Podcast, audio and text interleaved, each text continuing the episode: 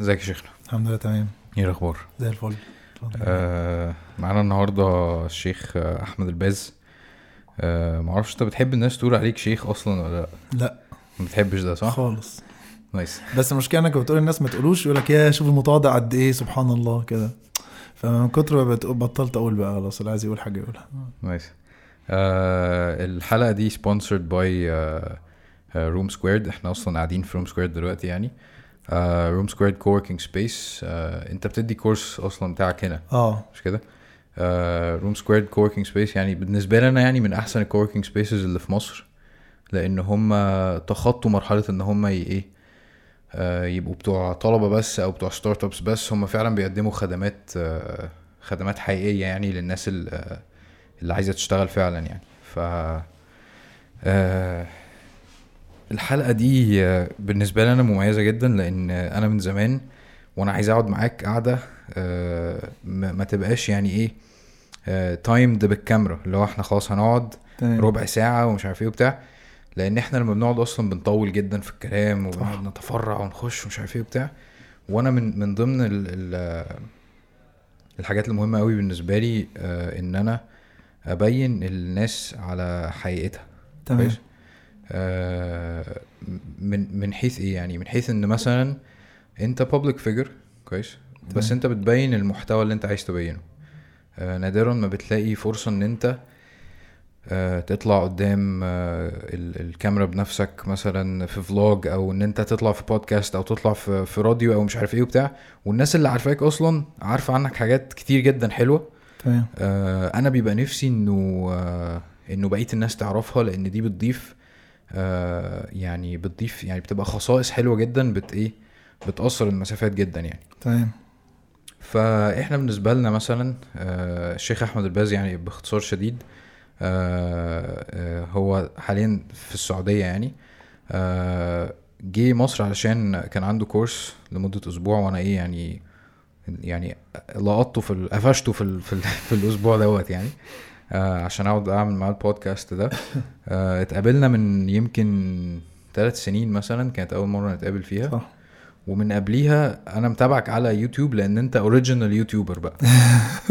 يعني أنت من أوائل الناس اللي كانت صح. في العربية ومش عارف إيه وبتاع. صحيح. وإحنا اللي إيه؟ إحنا اللي جينا بعديك بقى في في الحوار ده يعني. صحيح. آه ف ال- اللي إحنا يعني جايين نتكلم فيه النهارده يعني أنا عايز عايز أخش في في مواضيع كتيرة يعني. آه بس حابب في الأول خالص إن أنت يعني عرفنا بنفسك كده سريعا. عرف الناس ال- ال- اللي ما تعرفكش. لو خلينا نعتبر إن الناس اللي ما تعرفكش والناس اللي عارف أنت عايز تقول لهم إيه سريعا كده يعني. تمام. آه بالنسبة أنا يعني أنا اسمي أحمد الباز أحمد الباز ربيع عامر. آه، أعتبر يعني عشت معظم حياتي في السعودية. يعني أنا اتولدت في القاهرة بس يعني بس اتولدت ورجعت. واعتبر يعني معظم حياتي هناك في السعوديه أنا خريج علوم بيولوجي أصلا يعني ده أصل تخصصي يعني. بس مش شغال فيه يعني. عارف العلوم والحاجات دي بيبقى مجالها الأصلي خالص هو الأبحاث ومش الأبحاث والكلام ده. فالكلام ده في الدول العربية كلها ملوش سوق أصلا. كويس. بس شغال في قاعد في جدة في السعودية. عمري كله تقريبا يعني ما جيتش مصر إلا ف... بس فترة الجامعة يعني. على قد ما خلصت كليتي ورجعت. بس يعتبر دي هي دي الحاجات الأساسية عني يعني. أه، يعني موضوع ال- ال- ال social media والحاجات دي فتحت ليا مجال شوية في شوية حاجات هنا كده. بحاول إن أنا أستغلها وإن أنا أفيد نفس نفسي والناس بيها قد ما أقدر يعني. okay nice آه، أنت حاليا دلوقتي آه، أنت قلت لي إن أنت ما بتحبش أصلا الناس ت... ت... تقول عليك شيخ أصلا مم. يعني. ف... ف... فليه أصلا؟ ليه ليه مش حابب ده؟ آه، أنا في اعتقادي إن كلمة شيخ لما بتتقال لحد زي يعني بتقلل من قيمة الكلمة ما بتدينيش أنا قدر كبير. يعني أنت كده بتصغر بالكلمة دي. آه، ما بترفعنيش أنا عن قدري. يعني لو جبت واحد مثلا في مثلا في ابتدائي وإعدادي قلت له دكتور مش هي مش- هيبقى دكتور يعني. هو هيظل هو طالب في, في إعدادي مم. لكن للأسف في الوضع اللي إحنا فيه في ال في ال في ال يعني في الزمن اللي إحنا فيه ده بيبقى بسبب بعد الناس والجهل الشديد بالدين فأي حد عنده معلومتين عن الدين فبالنسبة لهم شيخ أو حتى لو واحد بدقن حتى لو ملوش علاقة بالدين أنا أنا خالص. بيقولوا عليا شيخ آه خد بالك يعني فالناس إزاي. بتعتبرك أنت كده شيخ فده طبعا مش صح يعني هو مش صح ده بيفقد ال... بيفقد كلمه شيخ لمعنها يعني هو بي... بي... بت- بتقلل من... من قدسية الكلمة دي مم. بس لكن مو أنت عارف الناس مجرد ما بتلاقي لو صوتك حلو بس في القرآن يعني كل إمكانياتك إنك صوتك حلو فده شيخ صح. فبس. كويس. فعشان كده ما بحبش الناس تقول عليا كده لأن أنا مش مش شيخ في الحقيقة يعني مش تواضعا حقيقه. يعني العلم أو حتة إن فلان ده شيخ أو مرجعية للناس كلمة كبيرة قوي. أه بس الناس بتخلط بين حاجتين. كويس. ودي كويس أنا افتكرتها لما عملنا قبل كده فاكر؟ عملنا فلوج عندك في البيت فاكر؟ وقلت إن أنا مش شيخ ومش عارف إيه. في ناس انتقدت في في التعليقات طب بدل ما أنت مش شيخ بتتكلم ليه؟ أو حاجة زي كده. في فرق إنك بتبلغ في فرق إنك فاهم؟ البلاغ ده واجب علينا كلنا.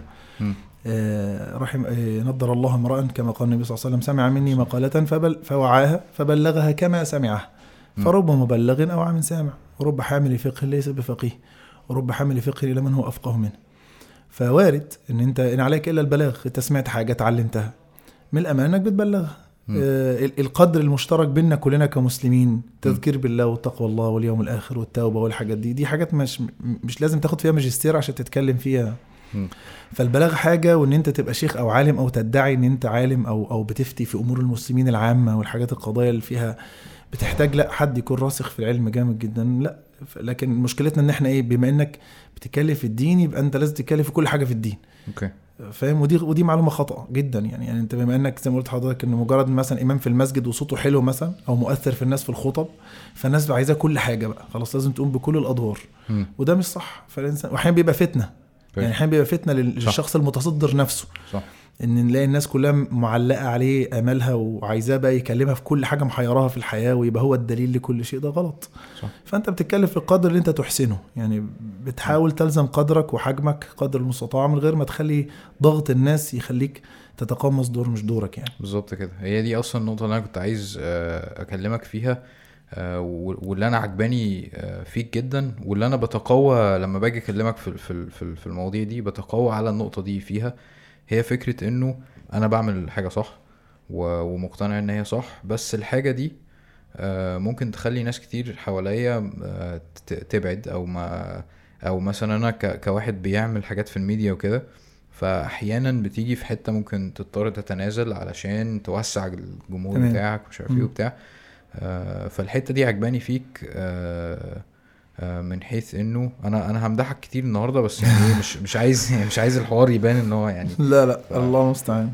ف آه، آه، يعني إزاي أتقوى في الحتة دي؟ لأن الحوار دوت بالنسبة لي أنا آه، يعني بالنسبة لي أنا صعب. إنه أنت بتيجي بين حتتين إنه أنا عايز رسالتي توصل لأكبر قدر من تمام. الناس بس في نفس الوقت أنا عندي limitations كتير. كويس؟ ما أعرفش أستخدم مزيكا ما أعرفش مش عارف إيه آه، بتاع. ف ف فازاي أقدر ابقى ثابت في الحتة هو؟ طبعا في في ال... هي دي أزمة عندنا كلنا مش عندك أنت بس على فكرة. و... وربنا سبحانه وتعالى ذكرها في القرآن الضغط المجتمعي بيبقى له تأثير سلبي جدا على الإنسان المصلح اللي عنده نية طيبة للناس. والشيطان بيعرف يشم الناس زي بيقولوا يعني. الشيطان السي في بتاعه كبير جدا يعني. الراجل لاحق البشرية من قبل ما تت... ما تتوجد. يعني. إبليس موجود من قبل سيدنا آدم. فشاف كل الأنماط الواحد فينا لو ياخد بس دورة في الأنماط الشخصية بيطلع بقى يسيح. هو إبليس شاف كل الأنماط حتى اللي اندثرت يعني حتى الأنماط اللي جت وراحت وما اتكررتش. فهو عنده خبرة كبيرة جدا في الناس. والشيطان بيخش من الخير زي بيخش من الشر بالظبط. بالظبط. بالعكس الدخول من الخير عند الشيطان الشيطان بيخش إنسان من الخير زي. بيخش من الشر ويمكن أكتر. لأن الخير بما بالداري يعني الخير الفتنة ما بتجيش فتنة. الفتنة بتيجي لازم تكون متغلفة بحاجة تخليك تتجرأ عليها. آه طبعا. تخيل إن المسيح الدجال جه أعور كده والناس كلها شايفاه أعور ومكتوب عليه كافر الناس مش هتصدقه. لكن لابد إن يكون جاي في إيه؟ بي- بيقضي للناس مصالح. بيجي للناس مش لاقية تاكل بتبقى تاكل السماء ما بتنزلش مطر فتنزل مطر. فلازم يكون في كده إيه؟ شوية خير, يعني تخلي الإنسان يقدر يقع في الفتنة هو ضميره مرتاح. فالفكرة كده الإنسان المصلح بيكون عنده رغبة شديدة جدا. النبي صلى الله عليه وسلم كان رغبته في الناس في هداية الناس قوية لدرجة إن ربنا قال له لعلك باخع نفسك الا يكونوا مؤمنين. يعني أنت هتهلك نفسك. هتموت نفسك عشان الناس من كتر حرص النبي صلى الله عليه وسلم على الخير. ال- شوف الباب ده بقى باب الخير وحرص الخير. كان هي- هيوقع النبي صلى الله عليه وسلم في حتة جامدة قوي اللي ربنا ذكرها سورة الإسراء. وإن كادوا وإن كادوا يعني الإن مع كاد يعني كانوا فعلا على وشك. وإن كادوا ليفتنونك عن الذي أوحينا إليك لتفتري علينا غيره. أنت. متخيل؟ إن المشركين مش هم بكدهم يعني مش بكدهم ولا بذكائهم. لا الحتة حرص النبي صلى الله عليه وسلم على دخولهم في الإسلام. م. آه، واذا يعني لو عملت حاجة زي كده لاتخذوك خليلا.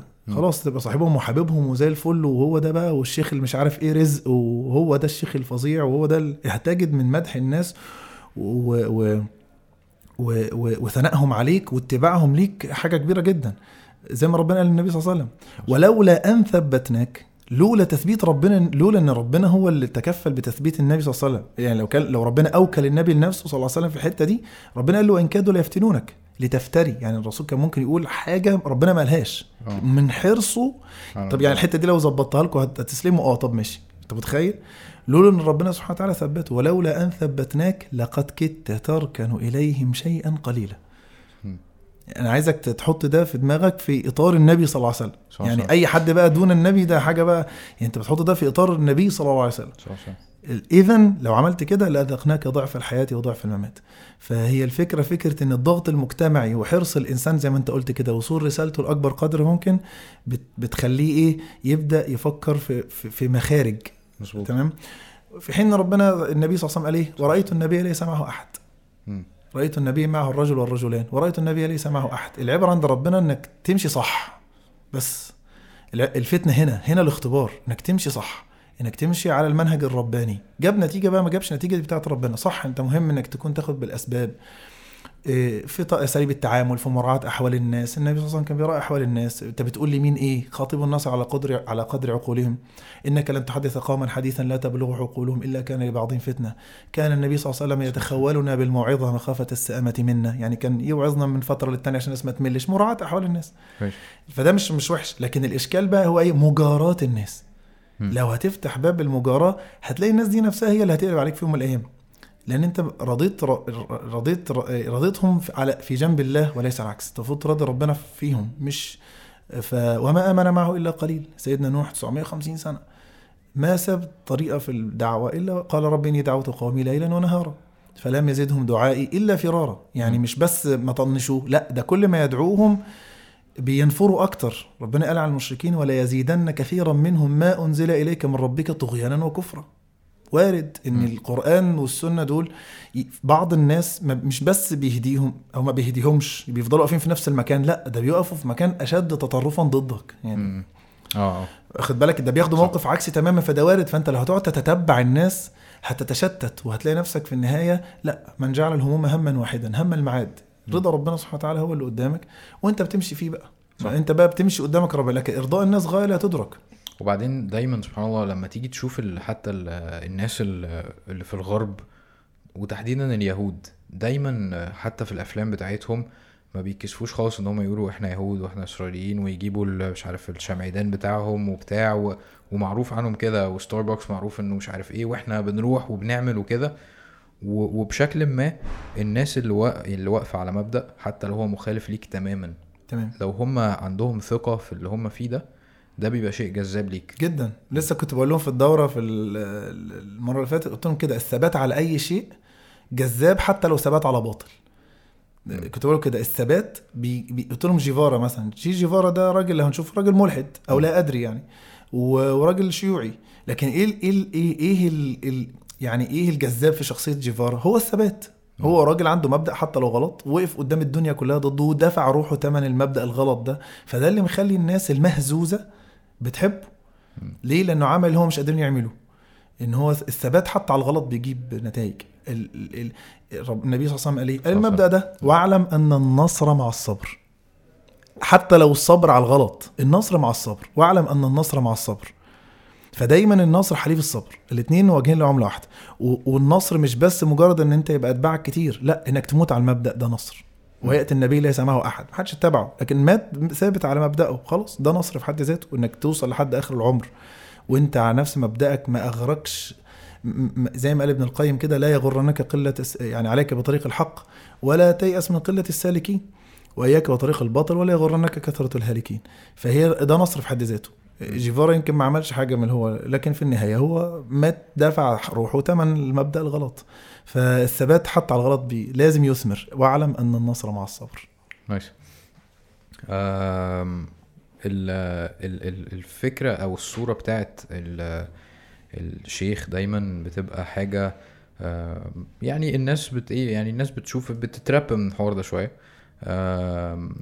بس ال- الفكرة إن أنت دلوقتي أنت قلت أنا مش عايز يتقال عليا شيخ وبعدين مؤخرا كمان آه أنت أنت درست coaching ودرست آه يعني أنت أنت بقيت ICF certified life. coach صح. مش كده آه آه و و ودخلت إن أنت يعني أنا أنا بالنسبة لي الموديل ده إن أنت يعني متعدد الايه متعدد متعدد ال skills يعني آه و- وخرجت من إطار إن حد يقدر ي label أو ماشي في ال- في السكة دي إن حد يقدر ي label اللي هو إيه لا أنا ولا أنا شيخ بس ولا أنا كذا بس ولا أنا مش عارف إيه بس. تمام. فدي حاجة عجبتني جدا ودي ودي الحاجة الرئيسية أصلا اللي أنا آه، حابب أتكلم معاك فيها النهارده. ال ال آه، اختيار ال ال الطريق دوت بالنسبة لك. تمام. ال coaching دوت جه إزاي؟ أه والله هو جه بقاله فترة. يعني أنا بقالي فترة بحاول أدور على آه، أنا مثلا مهتم جدا جدا بالعلاقات الأسرية. okay. من زمان يعني. و... ومش بمزاج يعني. أنا اتحط أنت زي ما قلت لك الناس بتلاقي واحد شيخ أو مثلا ده بيصلي بينا أو مثلا عنده شوية علم شرعي فالناس بت... خلاص أنت لازم ت- تبقى كل حاجة سوبرمان بقى. أنت تقرأ قرآن وترقي على العيانين وتحل المشاكل الزوجية وتربي لنا عيالنا فاهم؟ فأنا كنت جدا بحب الحتة دي. يعني حتة إن أنت تكون نافع للناس أو إن أنت بتضيف إضافة للناس.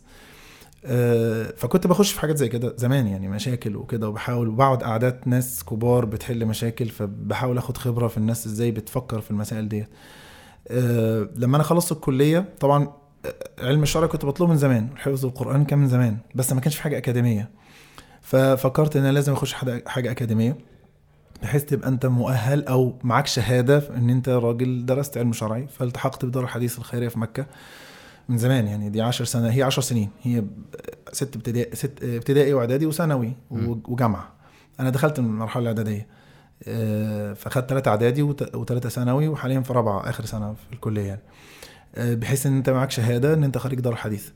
آه، طيب أنا دلوقتي عايز مش بس مجرد إن أنت تتناول المسائل دي من زاوية شرعية بس. أنت كويس. عايز زاوية إنسانية. آه، إزاي تقدر يبقى المسألة مش فتاوى؟ يا شيخ جوزي قال لي كذا إيه الحكم؟ حلال حرام أو. يجوز أو لا يجوز لا أنت محتاج يكون في شوية مهارات إنسانية في التعامل مع المشاكل دي. فقعدت أدور يا جماعة طب في إزاي منين كده؟ فجه قدامي موضوع ال- ال- ال life coach. وأعجبت بيه جدا رغم إني شفت حاجات تانية. يعني شفت ال training مثلا شفت مثلا لا حسيت إن ال life coach لمسني أكتر من من من ال training. وإن كان ال training مهم مش بقلل من قدره بس حسيت إن ال life coach آه، بي بي بي أو ال relationship coach بيغوص جوه الإنسان أكتر. يعني. ال training بيبقى قدامه 10 15 20 واحد بيكلمهم كلهم وقت واحد. ماشي. آه، لكن قضية كل واحد في كل واحد في الحياة أو كل واحد عنده قصته الخاصة بيه هو اللي ينفع ده مش هينفع ده. فال life coach لمسني جدا. فقعدت أدور فين إزاي؟ فوصلت اللي هي ال- ال- الموضوع ال ICF وكده وخدت فيه طبعا الحمد لله الدوره ولحد ما اتأهلت فيه. بحيث إن أنا لما أتعامل مع الناس ما أحاول أجمع أكبر قدر ممكن من من الطرق اللي تحل الموضوع. أو مم. ما يبقاش أنت بس حاكر نفسك في حتة الإيه الفتوى يعني أنت شايف إنه آه، التناغم بتاع العلم الشرعي مع بالظبط كده ال- الاعتراف بأهمية العلم السايكولوجيكال مثلا تمام. أو الدنيوي أو كده دي حاجة ضرورية جدا يعني. جدا ما أقدرش أقول إن كل الناس تعمل كده بس لازم يكون في ناس كده يعني للأسف كتير من الموجودين في المجال بيفتقدوا جدا الجانب الشرعي مم. جدا يعني ف... فإغفال الناحية الإيمانية والشرعية آه، وحش مم. لأن في كتير من المشاكل أصلا منبعها منبعها شرعي يعني. في اشكاليات مش شرعي انه مش عارف الحكم الشرعي لا الايمان الجانب الإيماني إحياء ال... ال... يعني وجود الجانب الإيماني الشرعي في, في بيوت الناس بيكفل كتير جدا من الحلول.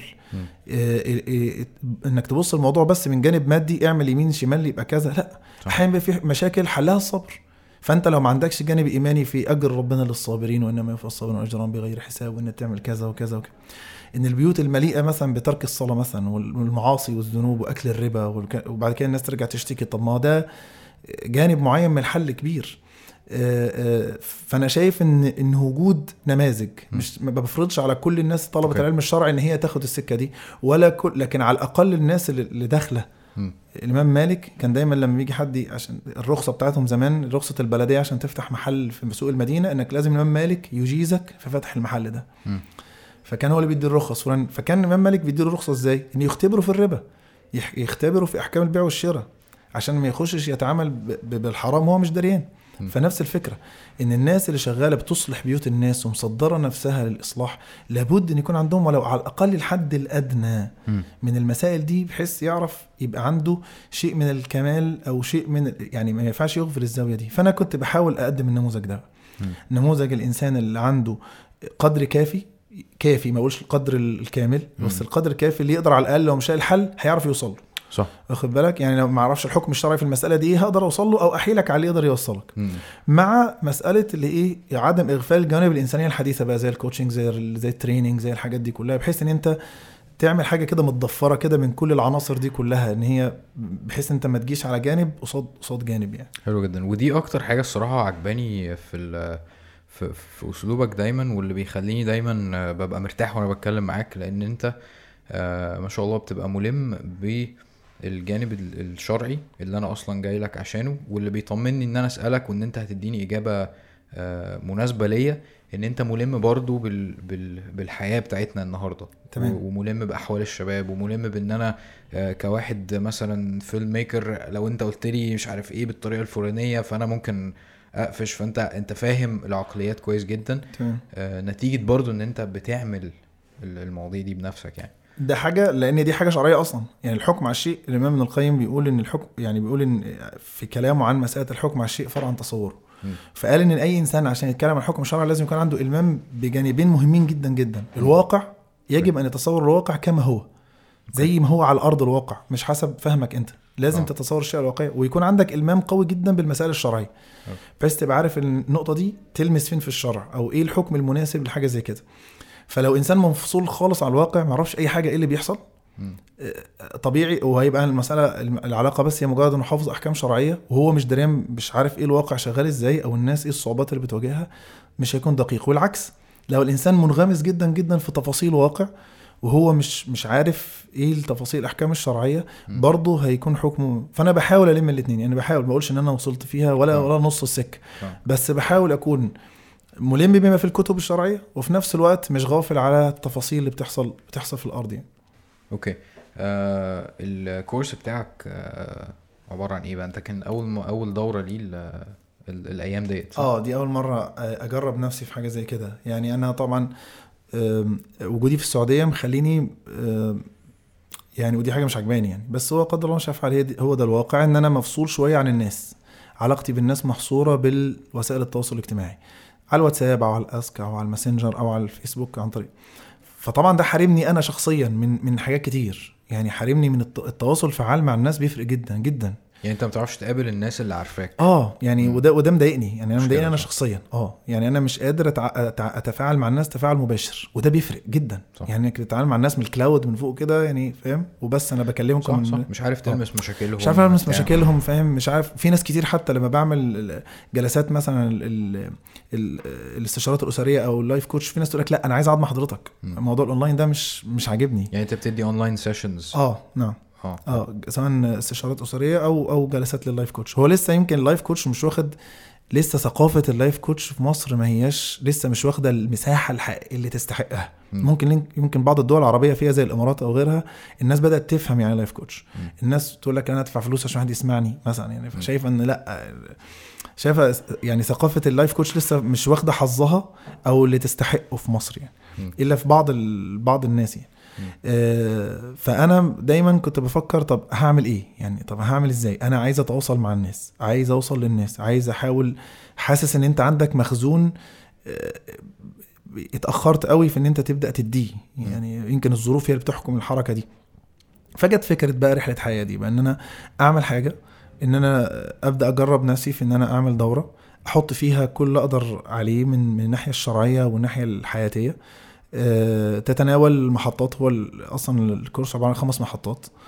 بركز فيه جدا جدا على آه، يعني وجود الوعي عند الناس وتصحيح المفاهيم المغلوطة في مسائل لأن شايف إن معظم المشاكل الأرقام ما بتكذبش يعني كميات الطلاق مخ... الطلاق مخيفة جدا. أوكي. آه، غير ال- يعني ال- دي الإحصائيات الرسمية للطلاق. غير ال- الناس اللي already في حياتهم منفصلين عن بعض وإن okay. كانوا ما اتطلقوش رسمي. طب. غير المشاكل كمية المشاكل اللي بتجيلك ونوعية المشاكل نفسها اللي عمالة تختلف من زمان لزمان. فأنت شايف إن أنت ليك دور فبتحاول تب... يعني بدل ما تقعد فلان يجي لك بمشكلة فتحكي له ويجي ده بمشكلة فتحكي له ويجي ده بمشكلة فتحكي له فبدل ما تكرر الكلام ده وتعالج المشاكل بعد ما تحصل طب ليه أنت ما تعملش مبادرة إن أنت تبدأ لأ تصحح المفاهيم وتخلق الوعي ده. واخد بالك؟ ففكرت إن أنا هي أعمل هي رحلة حياة بتتناول خمس محطات. المحطه الأكبر فيها هو ما قبل التفكير في الزواج أصلا. أوكي. يعني إيه المفروض يكون في دماغك يوم ما تيجي تفكر إنك تتجوز؟ حلو. آه، ما قبل الزواج وبعد كده قبل دخول البيت بعد كده فترة الخطبة وبعد كده كتب الكتاب وأول سنة زواج. اللي هي تعتبر يعني اللبنة الأساسية اللي هينبني عليها الحياة الزوجية من بعد ذلك يعني يعني أنا أنا ال- الدورة ما بتتناولش الناس اللي هم بقى لهم فترة متجوزين بيبقى لهم مشاكلهم بقى الخاصة بعد ما. جت الأولاد والحاجات دي كلها لكن أنا ماسك من قبل التفكير في الزواج خالص هل أنت أصلا مؤهل إنك تتجوز يعني أوكي. هل أنت ينفع تفكر تتجوز أصلا ولا المفروض يبقى عندك وعي بنفسك أكتر عشان تعرف أنت عايز إيه لأن المشكلة إن عندنا إن الزواج أصبح حاجة بيولوجية ميكانيكية أنا وصلت لمرحلة معينة فلازم أتجوز. أتجوز. وفي ضغط مجتمعي معين بواجهه سواء راجل أو بنت إن أنا خلاص فلانة اتجوزت فلانة اللي في سنك خلف اللي زيك مش عارف فاتح بيوت اللي مش عارف إيه فخلاص أنا وصلت لمرحلة إن لازم أتجوز. أو بتبقى حاجات أحادية جدا في التفكير إن أنا مثلا مسألة شهويه شهوانية بحتة فأنا عايز أتجوز لمجرد البند ده حتى لو الانسان غير مؤهل أو غير مسؤول أو البنت نفس الكلام. فأنا ببقى بلعب في النقطة دي قوي إن أنت هل أنت مؤهل أصلا؟ قبل ما تفكر في حاجة زي كده. لو مش مؤهل لازم تتأهل. إيه اللي لازم أنت تتأهل فيه؟ فترة بقى ال- اللي هو قبل الدخول بيت الناس مجرد بتليفون أنا في واحد بيتكلم عن على بنتكم عايز يجي آه هل وسهلا نتشرف يوم كذا الساعة كذا اتفضل. من غير ما يعرف مين ده أصلا وهل ينفع يخش البيت أصلا ولا لأ. أو الناس دي ينفع تروح بيتهم أصلا؟ ما ينفعش. يعني بحاول بقدر الإمكان في الدورة دي إن أنا أصحح مفاهيم وأخلق وعي عن مدى خطورة الميثاق الغليظ الناس بترتبط بيه. أوكي. حلو. يعني أنت دلوقتي آه، بدأت بإن أنت أنا أنا كنت هسأل أصلا إزاي الاقي ال- ال- الشخص المناسب بس انت في نقطة قبلها انت اتكلمت هل أنا أصلا مؤهل ان أنا ابتدي اخد الخطوة دي أصلا آه صح؟ ما هي دي أك... حتى الناس خدت بالها في الدورة قالوا حضرتك يعني إحنا قعدنا ترامي يومين يعني معظمها في النقطة دي مم. إن الموضوع كله إجابته أنت عايز إيه أنت المشكلة إن مش إن أنت تلاقي الإنسان الكويس الكويس موجود مم. وكتير سواء ولد أو بنت المشكلة إن أنت تلاقي اللي ينفعك اللي يصلح ليك. أو إن أنت أصلا ينفع أصلا ولا لأ. يعني في شخص مش مهيئ للزواج هو ما ينفعش يتجوز. يعني أنت لما تسأله عن أهدافه وطموحاته أو إيه تفكيره أو إيه رؤيته أصلا للزواج تلاقي كلامه ما ينفعش. أنت زيك ما ينفعش تتجوز لازم تبقى عارف الأول أنت مقبل على إيه. هل أنت عندك قدرة على المعطيات دي ولا لأ؟ مثلا الصبر الإيثار التقبل التفاهم. هل أنت عندك استعداد تتقبل شخص غيرك خالص. هل أنت عندك استعداد إنك تصبر على ده؟ في حاجات كتير حلها الصبر. ملهاش حل إلا الصبر. لا يمكن هتلاقي كل اللي انت عايزه. تحديد أولوياتك. انت عايز إيه بالظبط؟ الشخص انت عندك عشر احتياجات. مش هتلاقي انسان يحقق لك العشرة ممكن انسان يحقق لك الخمسة. هل انت عندك استعداد تنازل عن خمسة تانيين وتعيش بالخمسة دول. فاهم إزاي؟ فالناس مش مدركة مم. خطر حاجة زي كده. الناس أحيانا بيبقى في ناس أنا مرة جات لي حالة مثلا. واحدة كلمتني و... وكانت متجوزة مخلفة ولسه عندها بيبي صغير. وبتقول لي أنا أنا عايزه أتطلق. ليه يا بنتي؟ في حاجة.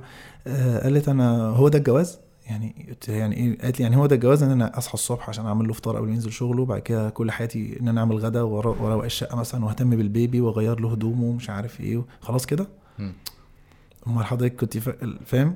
ليه؟ لأن هي كان تصورها في البداية. أنا قعدت طبعا أسألها كتير يعني وأشوف الدنيا خالص. لقيت الموضوع في البداية هو كانت نفسها في لقطة الفرح بس. كان في حاجة كنت عايز أسألك عليها؟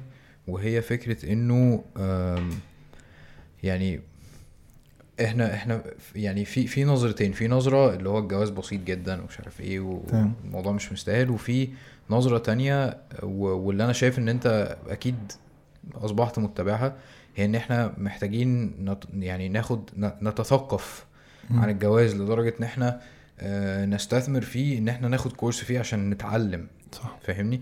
فكلمني في النقطة ديت. ده ده ضد ده يعني. آه تمام. هو آه هي مشكلتنا إحنا عموما في تفكيرنا إن إحنا دايما بندفع فلوس في العلاج. ما بندفعش فلوس في تفادي المشكلة أصلا. وده عكس الطبيعي.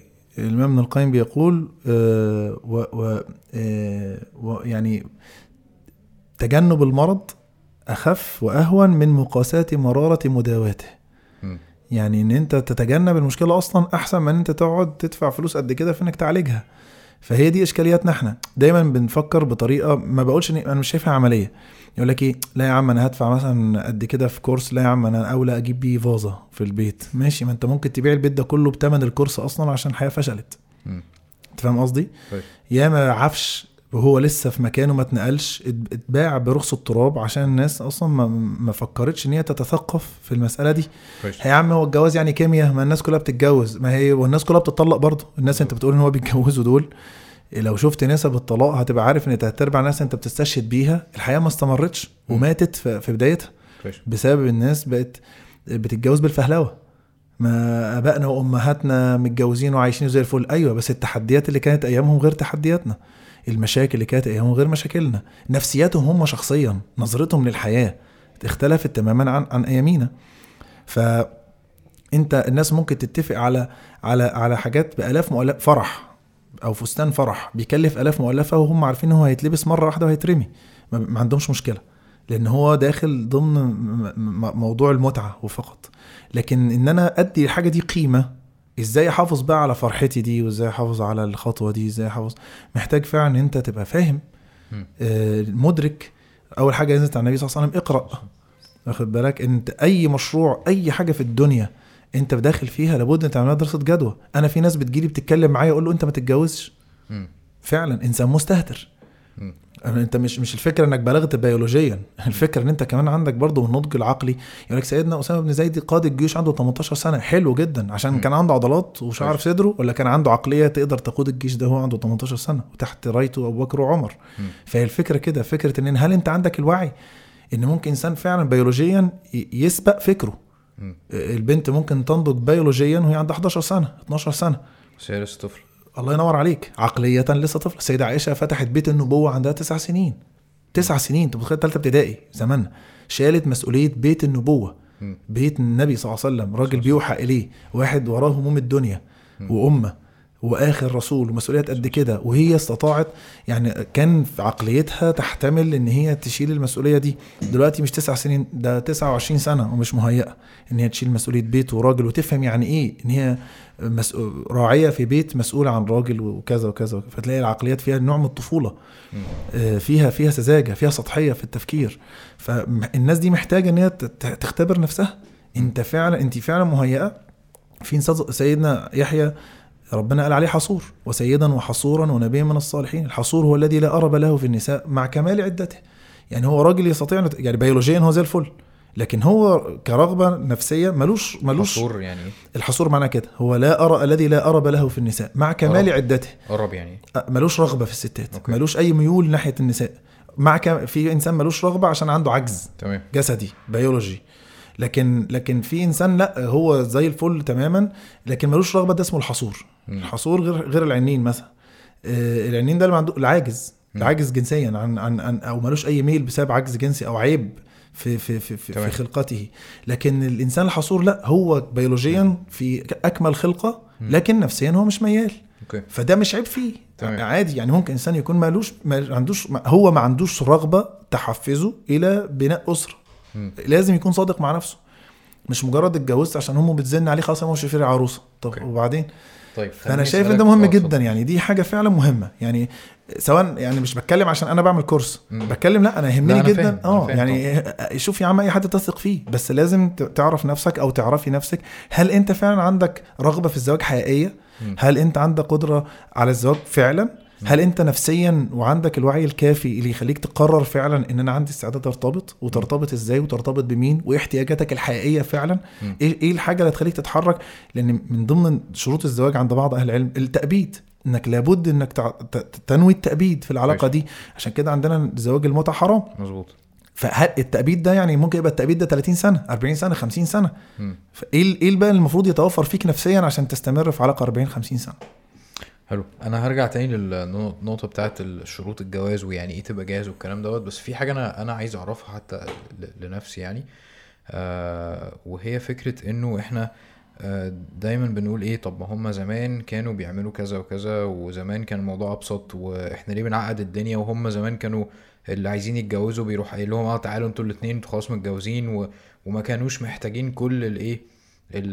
كل كل الهلك اللي إحنا بنعمله دوت. الأيام دي والكلام ده. ف... فأنت إيه رأيك في في المفهوم أصلا بتاع ال... بتاع ده؟ بتاع نظرتنا إحنا ديت نظرة المقارنة بين دلوقتي وزمان يعني. تمام. آه، آه، اولا زي ما قلت قبل كده إن ال- ال- الزمن اختلف. الناس كان عندها زمان معطيات معينة يعني البنات الست زمان كانت بالنسبة لها جوزها ده كل حاجة في حياتها وهي عايشة عشان البيت وعشان ممكن البنات دلوقتي ما تتقبلش فكرة زي كده واخد بالك؟ آه نفسية المرأة زمان غير دلوقتي. الراجل برضو زمان كان قدرته و- و- كتركيبه النفسي في تحمل المسؤولية غير دلوقتي خالص. آه، طب ما الناس زمان كانت أحيانا كتير يعني مثلا لو رجعت مثلا فترة قبل كده هتلاقي مثلا التدين أو معرفة الناس بدينها أكبر مثلا من دلوقتي مثلا. فحتة إن عدم مراعاة الفارق الزمني ده إن الناس ما زمان على رأيك الناس زمان كانت بتتجوز أيوه كانت بتتجوز وكانت بتشيل مسؤولية الزواج وتلاقي جدك وجدتك دول مثلا بقالهم 60 سنة متجوزين في بينهم من الاحترام والتقدير. والوعي كان عالي رغم إن ما خدوش كورسات ولا حاجة بس الناس كانت مهيئة. الناس كانت نفسيا فاهمة من أجدادها ودي لكن زي ما النبي صلى الله عليه وسلم قال. ما من زمان يأتي إلا والذي بعده شر منه فدايما أحيانا بتبقى بتيجي في زمن الناس مفتقدة الآباء والأمهات ما ربوش عيالهم من الأساس على إن هم يعني إيه يا بنت يعني أحيانا بتبقى الأمهات عندها مشاكل مع جوازها فتبقى مش عايزة بناتها تغلط نفس غلطتها فتبدأ تربيها على شيء من التمرد وعدم فتطلع البنت متمردة وداخلة الحياة الزوجية متأهبة جدا ومتحفزة جدا لأي إحساس منها صح. تجاه الراجل إنه بيفرض سيطرته عليها. جدا. فتلاقيها بترفض ده جدا جدا جدا. ليه؟ لأن هي متربية إن اوعي أنت أهم حاجة أنت المحور أنت أهم من كل ح... الزواج مش كده. الزواج لازم يكون فيه تضحية منه منها وإيثار منه منها وصبر منه منها إن أنا بتنازل عن حاجات وأنت بتتنازل عن حاجات عشان الحياة تمشي. ده للأسف الشديد أرجع أقول إن هو في بداياته تربية غلط. بسبب تربية غلط. معاني تسربت للمجتمع. آه، أشبه يعني هي أقرب للرؤية الغربية للحياة الأسرية. محتاجين إن إحنا نظبطها لأن إحنا شايفين أثرها السلبي. يعني الناس اللي ما خدتش كورسات دول عاشوا وربوا عيال وطلعوا رجالة وبنات شالوا بيوت. لكن تعالى بقى شوف دلوقتي الأرقام مش هتكذب شوف إحصائيات الطلاق قد إيه مرعبة فعلا مرعبة. لما تلاقي مثلا من كل 100 عقد جواز بي بيطلع لك 60 طلاق. Yeah. طب ما آه طبعا. يعني ما في مكة مثلا في السعودية آه، ده إحصائية رسمية. نسبة الطلاق في مكة بس 60% يعني من كل 100 بيتجوزوا 60 بيطلقوا. يعني من كل 100 عقد بيعقد 60 بيفسخ العقد ده. ده في خلال مدة معينة. في خلال سنة. يا سنة واحدة والله. الإحصائية دي في سنة واحدة. فلا هنا في وقف. يعني هنا في حاجة غلط. في حاجة غلط عن عندنا أو يعني كرجالة أو كستات. في حاجة في المفهوم مش مظبوطة. الناس الأرقام بتقول فعلا الناس لدرجة إن السعودية فكرت إن يكون في للزواج رخصة زي زي العربية. ما حدش يتجوز إلا لما ياخد الرخصة دي. يا. آه طبعا. إن في كورسات ياخدوها ويبقى عنده آه ويمتحنوا في الكورسات ديت بحيث يحس إن الناس بقى عندهم شيء من الوعي اللي هم. آه والله. اللي هم أنا فكرت في الفكرة دي إن هي تبقى موجودة في مصر. في رخصة. لحاجة زي كده لأن الموضوع بيوت بتتهد قلوب بتتحطم. ال- ال- التبعات بتاعة الطلاق ده تخيل بقى عندك كمية مطلقات قد إيه؟ والمطلقات دي في وضع اقتصادي زي البلد اللي إحنا فيها اقتصادها ضعيف ومشكلة في تحصيل الرزق. فتخيل مدى الفساد الأخلاقي اللي بيحصل نتيجة وجود حاجة زي كده. أطفال بتدفع الثمن ناس بتطلع في بيوت متفسخة إما عايشين في بيت واحد لكن صح. حروب ما بتنتهيش في النزاع على السلطة مين اللي هيقود البيت ده؟ أو بيوت في في الحقيقة متفرقة. أب في حتة وأم في حتة ويبدأ الأولاد يبقوا هم بي- بيصفوا حساباتهم مع بعض بالأطفال وتحرموا من يشوفوا ولاده وهكذا. فليه بقى من من من من يعني بدل ما نخش في الدوكة والدوامة دي كلها لا يا عم أنت مش قد الجواز ما تتجوزش. المشاكل اللي هتترتب على عدم جوازك فاهم؟ أقل بكتير جدا من المشاكل اللي هتترتب على جواز غلط. يعني أنت دلوقتي في نقطتين حضرتك قلتهم. آه، أول واحدة إن إحنا الستاندرد اللي هم كانوا عليه زمان إحنا أقل منه فالكورسات دي هي بس أو أو العلم أو اللي إحنا يعني مش لازم الواحد ياخد كورس بس المفروض إن هو يثقف نفسه ويبقى عنده الوعي. تمام. ده مجرد بيرجعك بس لنقطة الصفر. على آه بيفهمك. آه في قصور حاصل في التربية في قصور حاصل في المؤسسات التعليمية في قصور حاصل في المؤسسات الدينية في قصور حاصل في المؤسسات الإعلامية إن هي توعي الناس بحاجة زي كده. مفيش فعلا ال- الحجم الحاجات دي قدام اللي بيتقدم في المؤسسات دي كلها ضئيل جدا. فإحنا لأ ب... الواحد بيحاول بقى يا جماعة لأ قبل ما تخشوا في المشروع دوت لازم تعرفوا أنتوا إحنا بنركز جدا على الجانب المادي بس. مظبوط. أنت مؤهل لما نقول فلان أنت مؤهل للجواز كل. آه أنت مؤهل فلوسا آه. حتى لو عندك الباءة بس ما عندكش فلوس ولا حاجة. okay. يعني حتى لو عندك الرغبة والميول بس ما عندكش فلوس ولا حاجة. هي الباءة معناها إيه أصلا؟ الباءة لها معنيين عند أهل العلم. الباءة إما القدرة الجنسية أو الباءة بمعنى القدرة على الزواج وتبعاته إنك تقدر تنفق وتفتح بيت وكده دي بقى ودي بقى. وهي okay. الباءة تشمل معنيين يعني لكن يعني في بعض الحديث عشان نفكر من استطاع منكم الباءة فليتزوج يا معشر الشباب من استطاع منكم الباءة فليتزوج فإنه أغض البصر ويحسن الفرج. فالباءة هنا فسرها بعض شراح الحديث الباءة هو القدرة الجنسية. تمام. وبعضهم فسرها لا اللي هو اللي هو القدرة على تبعات الزواج قادر على إنك تنفق وقادر على إن أنت تصرف وقادر على إن أنت تصبر وتح- وتؤثر وإلى آخره. لكن الباء معنى شامل يشمل معنيين. أنت عندك القدرة الجسدية وعندك القدرة النفسية و- والمادية إن أنت تقدر تصرف وتنفق. ف- فالفكرة إن أنت الناس بتختزل معنى القدرة في تقدر تشيل دلوقتي مظبوط. عندك سعادة تجيب شقة وشقتك جاهزة وتقدر بالظبط. تكيش آه اتفضل واخد بالك هي دي الفكرة مم. آه، فطبعا ده عامل المشاكل إحنا شايفينها دلوقتي إن المسألة بقت مادية بحتة وفاكرين إن الماديات هو الضامن لنجاح الجواز. بنتنا كل ما هنربطها بواحد قادر ماديا ده قا... ده ضامن إنه ينجحها كويس. آه، كل ما هنربطها بشخص هيقدر يفرش لها خمس أوض ويجيب لها أوضة أطفال وصالون وسفرة وانتريه ومش عارف إيه ويعمل لها فرح يبقى ده ده إنسان قادر على على إنه يخليها عايشة حياة سعيدة. وال... والواقع بيقول غير كده. ناس بتعمل أفراح مهولة جدا وفي الآخر الحاجات دي بتروح أدراج الريح. أوكي طيب. إحنا قاعدين بنقول بقالنا فترة آه أنا مستعد ولا لا عشان اتجوز ومش عارف إيه وبتاع. فانا كنت هسألك ادور على إيه في الشخص آه اللي أنا عايز اتجوزه ولا لا. فخليني أح أح اغير السؤال واخليه يبقى أنا المفروض يبقى فيا إيه أصلا عشان اقبل على على الجواز أصلا يعني. تمام. ولد وبنت يعني. تمام. إن دايما أقول للناس لازم تعرف نفسك الأول. يعني كل ما كانت يعني كل ما كان لماذا واضحة ودقيقة كل ما كان كيف واضح ودقيق. مم. يعني كل ما تقدر تعرف نفسك بصورة أوضح كل ما تعرف أنت عايز إيه بصورة أوضح. أوكي. طول ما أنت مش فاهم نفسك أو فاهم نفسك غلط طول ما أنت مش هتعرف أنت عايز إيه بالظبط. فلازم تبدأ بنفسك أنت. أنت إيه؟ هل أنت شخص؟ وده اتكلمنا فيه في في في في- الدورة يعني. إيه إيه طريقة إيه طريقة أنت إيه احتياجاتك. لازم تحدد احتياجاتك. وقلت الناس قلت لهم يعملوا زي جدول كده. والجدول ده مقسوم نصين في يوجد ولا يوجد. يعني إيه الحاجة وال- واليوجد ده بيتقسم نصين لابد ويفضل. أوكي. واللا يوجد ده برضه نفس الكلام لابد ويفضل. الكلام ده بفلوس بقى. لا أنا بقول للناس الناس بحيث الناس تقدر تفلتر احتياجاتها. إيه اللي أنت عايزه بالظبط؟ اللي ولازم تكونوا واقعي. حتى بقول لهم كده في الدورة لابد إن الحاجات دي تتحدد بنفسك وبوضوح وبواقعية. أوكي. لازم الثلاث حاجات دول يبقوا موجودين. لازم تحدد اللي أنت انت إيه؟ بنفسك. ما ينفعش تقول لماما تقول لك لا أنا عارفة واحد بقى أنا عجنك وخبزك وعارفة إيه البنت اللي تناسبك. لا. ولا العكس. ولا البنت لا. أنت بنفسك حدد احتياج ولا أصحابك. يحددوا لك بص أنا اتجوزت قبلك وعارف الدنيا ماشية إزاي لا خالص. أنت لازم تقول اللي أنت عايزه بنفسك وتكون واضح جدا في اللي أنت محتاجه. يعني مثلا إيه ما تقولش أنا عايز واحدة تفهمني. يعني إيه تفهمك؟ ما أنت لازم تكون واضح. أنا نفسي واحد يسعدني. أيوه يعني إيه يسعدك؟ إيه اللي يسعدك؟ okay. لازم تكون واضح. وبواقعية. بواقعية بمعنى إن أنت ما تحددش صفات لا يمكن تجتمع في إنسان.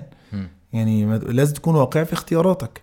ما ينفعش تحدد ال top من كل حاجة وده مش موجود فيك انت شخصيا. مم. فلازم تكون واقعي وتبدأ تحدد بقى بحيث إن انت تفهم نفسك كويس جدا. انت عايز واحدة تعمل معاك إيه؟ أو انت عايز واحد يعمل معاك إيه بالظبط؟ انت راجل بتركز على الجانب المادي انت راجل بتركز على الجانب الديني انت راجل بتركز على الجانب المجتمعي انت عايز حد اجتماعي. هل انت شخص تكاملي؟ انت راجل منطوي فعايز حد اجتماعي يكمل النقص اللي عندك؟ ولا راجل لا تماثلي عايز حد ودي الأنماط كلها على فكرة اتكلمناها في الدورة. ولا انت إنسان عايز حد شبهك بالظبط. يعني أنا أنا مش مش اجتماعي مش بتاع زيارات كتير فعايز واحدة نفس الكلام ما تجيش تقول أنا رايح لصاحبتي صاحبتي جاية لي هروح لماما هروح لبابا. كل النقاط دي ما تحددها في نفسك بوضوح بعد كده تبدأ تدور. هل أنا إنسان قابل إن أنا أدخل حد في حياتي؟ هل أنا عندي استعداد أتنازل عن راحة بالي وهدوء أعصابي؟ هل ان أنا واحدة عندي استعداد الناس فاكرة الجواز حل لمشاكلها؟ لأ. الزواج ما هو إلا مشاكل. أنا دايما أقول كده قلت لهم الجواز مش هو حل المشاكل. إذا كنت أنا بعرف بعد ما سمعت منهم تعريفات الزواج والسكن والإيواء والمش عارف إيه. دايما أقول الزواج هو فن إدارة المشكلة. إزاي؟ لأن المشاكل هتحصل هتحصل. أوكي. إزاي هتعرف تدير مشاكلك دي كلها؟ إزاي هتقدر تتعايش مع إنسان مختلف عنك تماما؟ كاصل في أصل خلقته. كراجل وست غير بقى تربيته ونشأته وثقافته وكده. هل أنت عندك استعداد تتنازع عن ده؟ ما تجيش بقى تقعدي بقى تصدعينا يا, يا, يا- بختي أنا وأنا كنت بنام براحتي وأنا إيه اللي جبرني على اللي أنا فيه وإيه اللي زقني في اللي أنا جاي ما أنا كنت كويس لأ. عندك استعداد تستمتع باللي جاي بكل لأنه زي ما له حلو له وحش. زي المرحلة أنت فيها ما في حاجة كويسة فيها حاجة وحشة ناقصك حاجة. فهل أنت عندك استعداد تستمتع بده بالاختلاف اللي بينكم وبين بعض؟ ولا لأ؟ يبقى لأ. خلاص انت صادق مع نفسك أنا شايف نفسي مش هقدر أنا كده زي الفل يبقى كده انت زي الفل. لا أنا كده زي الفل خلاص انت كده زي الفل.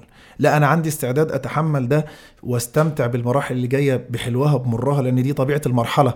زي الطفل قد إيه جميل وكيوت ولذيذ بس له تبعاته بقى في السهر والتعب وإنه ملوش ميعاد للنوم وبقعد أغير له ملابسه وأقعد أحميه وأستحمل بقى قرفه وشقاوته وحركته الكتير وإنه ممكن يحط حاجة في بقه وفي أي لحظة ممكن تحصل مشكلة فإزاي اتصرف؟ أنا عندي استعداد شايف نفسي مؤهل لكده؟ دوس. شايف نفسي مش مؤهل لده؟ لا ما عنديش صبر عندي استعداد أصبر وأوثر وأضحي يبقى لا شيل نفسك أحسن. ماشي. أصل الواحد الواحد يعني أنت دلوقتي آه، قلت نقطة إنه أصلا ممكن ما يبقاش لازم أتجوز. يعني أنا أنا متربي على فكرة إنه لازم تتجوز. وأنا تمام. أنا مش بعتبر نفسي يعني closed minded. يعني أنا بعتبر نفسي open minded و, تمام. و, و, و يعني فاهم الد- الدنيا شوية يعني. فأنت دلوقتي بت بتعمل لي شيفت كده في الإيه؟ انت مش لازم تتجوز مش لازم تخلف ما هياش حاجة يعني آه صحيح. في أنبياء ما اتجوزوش. في يعني- علماء يعني وناس فرض. كتير كبار ما اتجوزوش. أنا مش بقول الناس ما تتجوزوش. هو هل هو فرض أصلا ولا لأ؟ لا لا لا خالص. الزواج بتدور عليه الأحكام الخمسة. يعني الأصل الزواج إنه مباح. مم. شيء مباح زي الأكل زي الشرب شيء مباح. ممكن يكون واجب. واجب في حق شخص معين. اللي هو خلاص لو ما اتجوزش هيزني. يبقى. خلاص يبقى في حقك واجب. لأن أنت أصبحت في حالة ما ينفعش. ربنا خلق لك حل فما ينفعش إن أنت تلجأ للحرام وأنت عندك الحلال مفتوح. قد يكون واجب قد يكون مستحب. مم. إنسان مش حاسس إن الجواز هيفرق معاه كتير بس من باب إقامة السنة ومن باب إن هو يتشبه بالنبي صلى الله عليه وسلم ويا معشر الشباب من استطاع منكم بقى فليتزوجون ده هدي الأنبياء وما أرسلنا من قبلك من رسول إل- آه، الرجيم. لا في سورة الرعد. ولقد أرسلنا من قبلك رسلا إلى قومهم وجعلنا لهم أزواجا وذرية. فالرسل لهم أزواج وذرية. فمن باب إقامة السنة ماشي سنة. أوكي. وقد يكون مكروه وقد يكون حرام. يعني فالأحكام الخمسة هو أصلا مباح. قد يوصل إلى درجة الوجوب قد ينزل إلى درجة الاستحباب قد يصل إلى الكراهة قد يصل إلى الحرمة. مم. فمفيش الجواز ملوش حكم واحد. في حالات بيبقى كده أو كده أو كده. فقد يكون في ناس في حقها الزواج حرام. ما ينفعش تتجوز. أنت حرام تتجوز. أو. أنت حرام تتجوزي. واخد بالك؟ فلا أنا بقول للناس مش ما تتجوزوش. بقول للناس اتجوزوا صح أو ما تتجوزوش. المجتمع في غنى عن توليد مشاكل جديدة. المجتمع في غنى عن إيجاد أسر متفسخة. ينشأ منها أجيال مشوهة نفسيا. لا عيشوا وموتوا واضمحلوا أحسن ما تورثوا مشاكلكم الأجيال اللي لسه جاية. نايس سبحان الله. لما, أنت دلوقتي بتقول إن أنت لازم تبقى عارف نفسك أكتر وكده أنا اتجوزت وأنا عندي 29 أو 28 وشوية حاجة زي كده يعني. تمام. آه فأنا كنت فاكر إن ده سن متأخر قوي و... وكان نفسي أتجوز بدري علشان أقدر أشوف ولادي يبقوا سنهم قريب مني ومش عارف إيه وكده. بس نتيجة إن أنا آه طبعا تدبير ربنا يعني نتيجة إن أنا يعني ربنا أخر الجواز بالنسبة لي كده. تمام. أنا حسيت إن أنا كنت عارف أنا عايز إيه بالظبط ولما دخلت على الخطوة دي كنت يعني فعليا قعدت بورقة وقلم زي ما زي ما حضرتك بتقول كده يعني. وكنت بقول أنا أصلا عايز إيه في الحياة؟ أنا عايز أبقى شخص آه، مؤثر عايز أبقى شخص آه، آه، منتج عايز أبقى بعمل كذا وكذا وكذا فأنا محتاج حد partner معايا علشان يساعدني في في نفس السكة دي. تمام. آه، أنا عندي آه، يعني كتير مننا بيبقى جذاب بالنسبة له مثلا ال- البنت اللي هي ال- ال active اللي بتسافر واللي تمام. بتعمل ومش عارف إيه وبتاع. فأنا كان عندي مثلا رغبة زي دي. تمام. وبعدين لما لقيت إنه طب ما ده مش هيتماشى مع اللي أنا فعلا عايزه.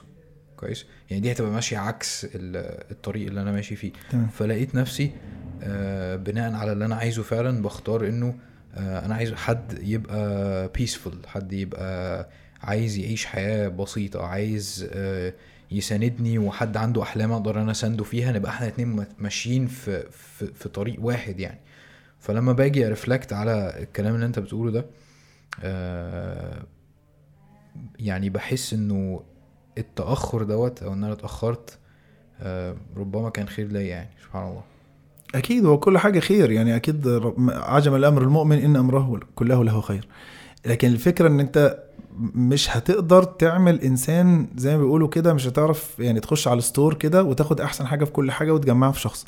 آه أنا عايز واحدة حركية جدا ومثقفة جدا وعندها طموح وعندها ولاسعه بقى مجنونة يلا نسافر يلا نسافر بأي حاجة بأي حاجة.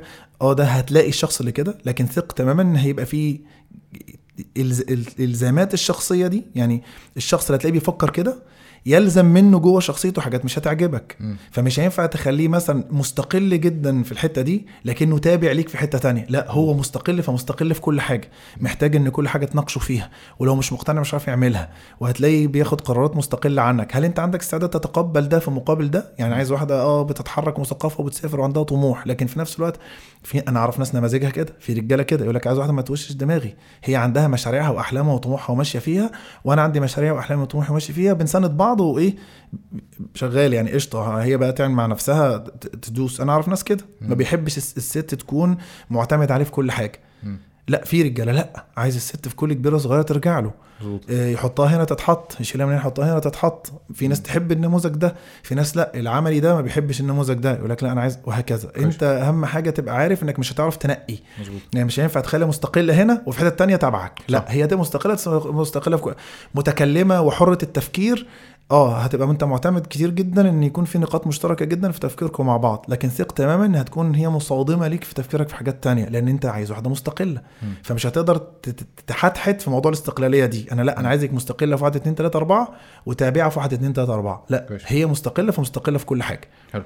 يعني انت انت بقى عندك. استعداد تتعايش مع كده؟ آه. دوس. يعني انت أوكي. عندك مش هيبقى عندك مشكلة قوي في ان هي هتقدر تخالفك في حاجات وهتبقى مستقلة في طريقتها دي وانت هتعرف تتعايش مع ده وبالعكس حبه؟ خلاص توكل على الله. لا أنا مش ه... ما بحبش مراتي تقعد بقى يمين لا طب شمال لا واشمعنى واقنعني ومش مقتنعه وكده. لا هنقعد بقى نصطدم في كل نقطة. مين فينا دماغه هتبقى هي اللي هتمشي؟ لا يبقى انت يبقى انت لازم تشوف بقى احتياجاتك إيه. إن هي تساعدك في مشاريعك وطموحاتك أولى حتى لو كان تبعاتها المشاكل دي. ولا أنا مش عايز حد يصطدم معايا فأنا إيه عايز واحدة بت- بتسلمها لي المفاتيح كلها حتى لو ما شاركتنيش في أحلامي وطموحاتي. أنت أدرى الأنسب بالنسبة لك إيه. كويس. وفكرة برضو إنك قلت نموذج دي فمعنى كده إنه في آه، آه، يعني مفيش حاجة صح ولا حاجة غلط. يعني هو في أنماط وأنت بتشوف بناء على شخصيتك أنت بتتقبل إيه. إحنا مش بنقول اللي بتحب تعمل كذا وكذا فدي مش إحنا مش معترضين لا هي دي شخصية أيوة. و... وانت ملائم أنا. لسه هحرق لك حتة هقولها في الآخر الحصة من ضمن النصايح إن كل أف كل مناسب أفضل وليس كل أفضل مناسب يعني إيه بقى يعني إيه يعني أنت بتدور على الأنسب وليس الأفضل مم. قد يكون إنسان أفضل من حيث المعطيات لكنه مش مناسب ليك. تمام يعني ممكن تلاقي بدلة بدلة فيها اللي انت بتحلم بيه اللون اللي انت عايزه مش- بس مش مش مقاسك هتبقى لابسها ضيقة جدا عليك أو واسعة جدا عليك حلو. لكن لو لقيت حاجة أقل من اللي انت عايزه لكن على قدك هيبقى ده أنسب. النبي صلى الله عليه وسلم كان في ناس في المجتمع آه، نساء كويسين جدا. يعني النبي صلى الله عليه وسلم تزوج السيدة صفية وهي لسه مسلمة امبارح. يعني يا دوب اسلمت والنبي صلى الله عليه وسلم آه، هي أسلمت وجعل عتقها صدقه مهرها إنه يعتقها لأن هي كانت في السبايا وكده. فالنبي صلى الله عليه وسلم جعل عتقها صدقه وتزوجها. السيدة صفية يهودية كانت يهودية بنت زعيم اليهود. مم. بنت حيي بن أخطب يعني زعيم اليهود مش يهودي عادي يعني. راجل هو اتربت في بيت آه، آه، زعيم اليهود. يعني يعني كل حياتها شايفة بغض النبي صلى الله عليه وسلم وكره الإسلام والحقد عليه. في حين كان موجود في المجتمع المدني كان موجود نساء أسلموا من زمان جدا. وصحابيات قديمات في الإسلام وحافظين قرآن وهجروا الهجرتين وكان عندهم صح ولا لا؟ ربنا قال للنبي صلى الله عليه وسلم عسى ربه إن طلقكن أن يبدله ازواجا إيه؟ خيرا منكن مسلمات مؤمنات إلى آخر الآية. لكن زوجات النبي كانوا أنسب للنبي صلى الله عليه وسلم. هم مناسبين له. وإن لم يكونوا مثلا بالنسبة ل- لو هنتكلم بقى كمعطيات لا ممكن كان في غيرهم أقدم اسلاما بعضهم. يعني السيدة صفية السيدة جويريه بنت الحارث كانت لسه مسلمة ما ملهاش. وكان في ناس في المجتمع أقدم منها إسلاما من الصحابيات لكن أنسب هي دي أنسب هي وضعها أنسب للنبي صلى الله عليه وسلم. فكل مناسب أفضل وليس كل أفضل مناسب. يعني في واحدة تقول لك أنا عايز واحد حافظ قرآن ومتدين ومش عارف إيه قد يكون ده أفضل من حيث آه، ال- لكن مش آه، مناسب ليكي. ممكن أنا عايز واحدة وضعها كذا كذا كذا كذا. آه أنت بتجمع كل ال- ال- أفضل الصفات ال- الأفضل. آه هو أفضل لكنه مش أنسب. فالمهم الناس تركز على الأنسب وليس الأفضل. فأنت بتقول مسألة أنماط آه المسألة أنماط. ممكن يكون واحدة إمكانياتها عالية جدا لكنها مش مناسبة ليك. يعني مثلا تجد مثلا إنسانة آه، آه، مثلا حافظة قرآن وأحاديث وطالبة علم وهي مثلا ماسكة لها دور دعوي كبير جدا وبنات كتير بيرجعوا لها في مش عارف إيه. ممكن تلاقيها في الدعوة وهي كمعطيات كفرد بيحوي كثير من الإمكانيات قوي جدا. لكنه كزوجة ما تنفعش. مثلا يعني ما تناسبكش أنت. هي اتعودت إن هي في مكانها قائدة. هتتعامل معاك بنفس الأسلوب. هي لازم يكون لها كيان ولازم يكون لها وضع. أنا مش بقول إن كل الناس كده. أنا بقول تمام. إن في ناس تعودت على إن الناس ترجع لها. وإن هي منوط بيها الناس بترجع لها وبتاخد رأيها ومش عارف إيه. فمش هتحس مش هينفع تحطها في مكان تحس تحس إن هي إيه هامشية. لا هي اتعودت إن هي دايما متصدرة المجالس. وإن البنات كلها من أصغر بنت لاكبر بنت شايفينها المعلمة والملهمة وال... بيرجعوا لها في كل كبيرة صغيره حتى في أخص خصوصياتهم. فتيجي أنت تتعامل معاها بهامشية أو كده هتحس إن لأ إن هي مش مرتاحة. فدايما الناس تبص على الأنسب وليس الأفضل. ليس كل أفضل مناسب ولكن كل مناسب أفضل. حلو جدا. آم، خليني أسألك في حتة إنه آه، آه، خلاص أنا دلوقتي آه، بدأت آخد خطوات في إن أنا أعرف نفسي أكتر و... و... والطرق لده كتير بقى إن أنا ازداد وعي وسيلف اويرنس والكلام ده كله آه وإن أنا أشتغل ومش عارف إيه وأعرف أعرف نفسي فعليا يعني. مشروع يعني هو مشروع تمام. زي أي مشروع. صح. آه طيب دلوقتي أنا كراجل أدور على إيه في البنت؟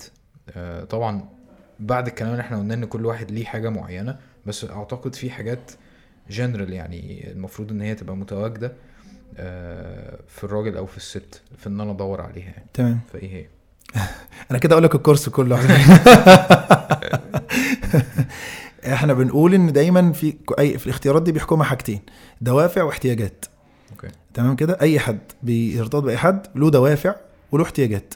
أنت إيه الدافع ليك للزواج إيه اللي بيدفعك بنقول إن في عدة دوافع في دوافع دينية في دوافع اجتماعية في دوافع مادية في دوافع نفعية في دوافع جسدية غريزية.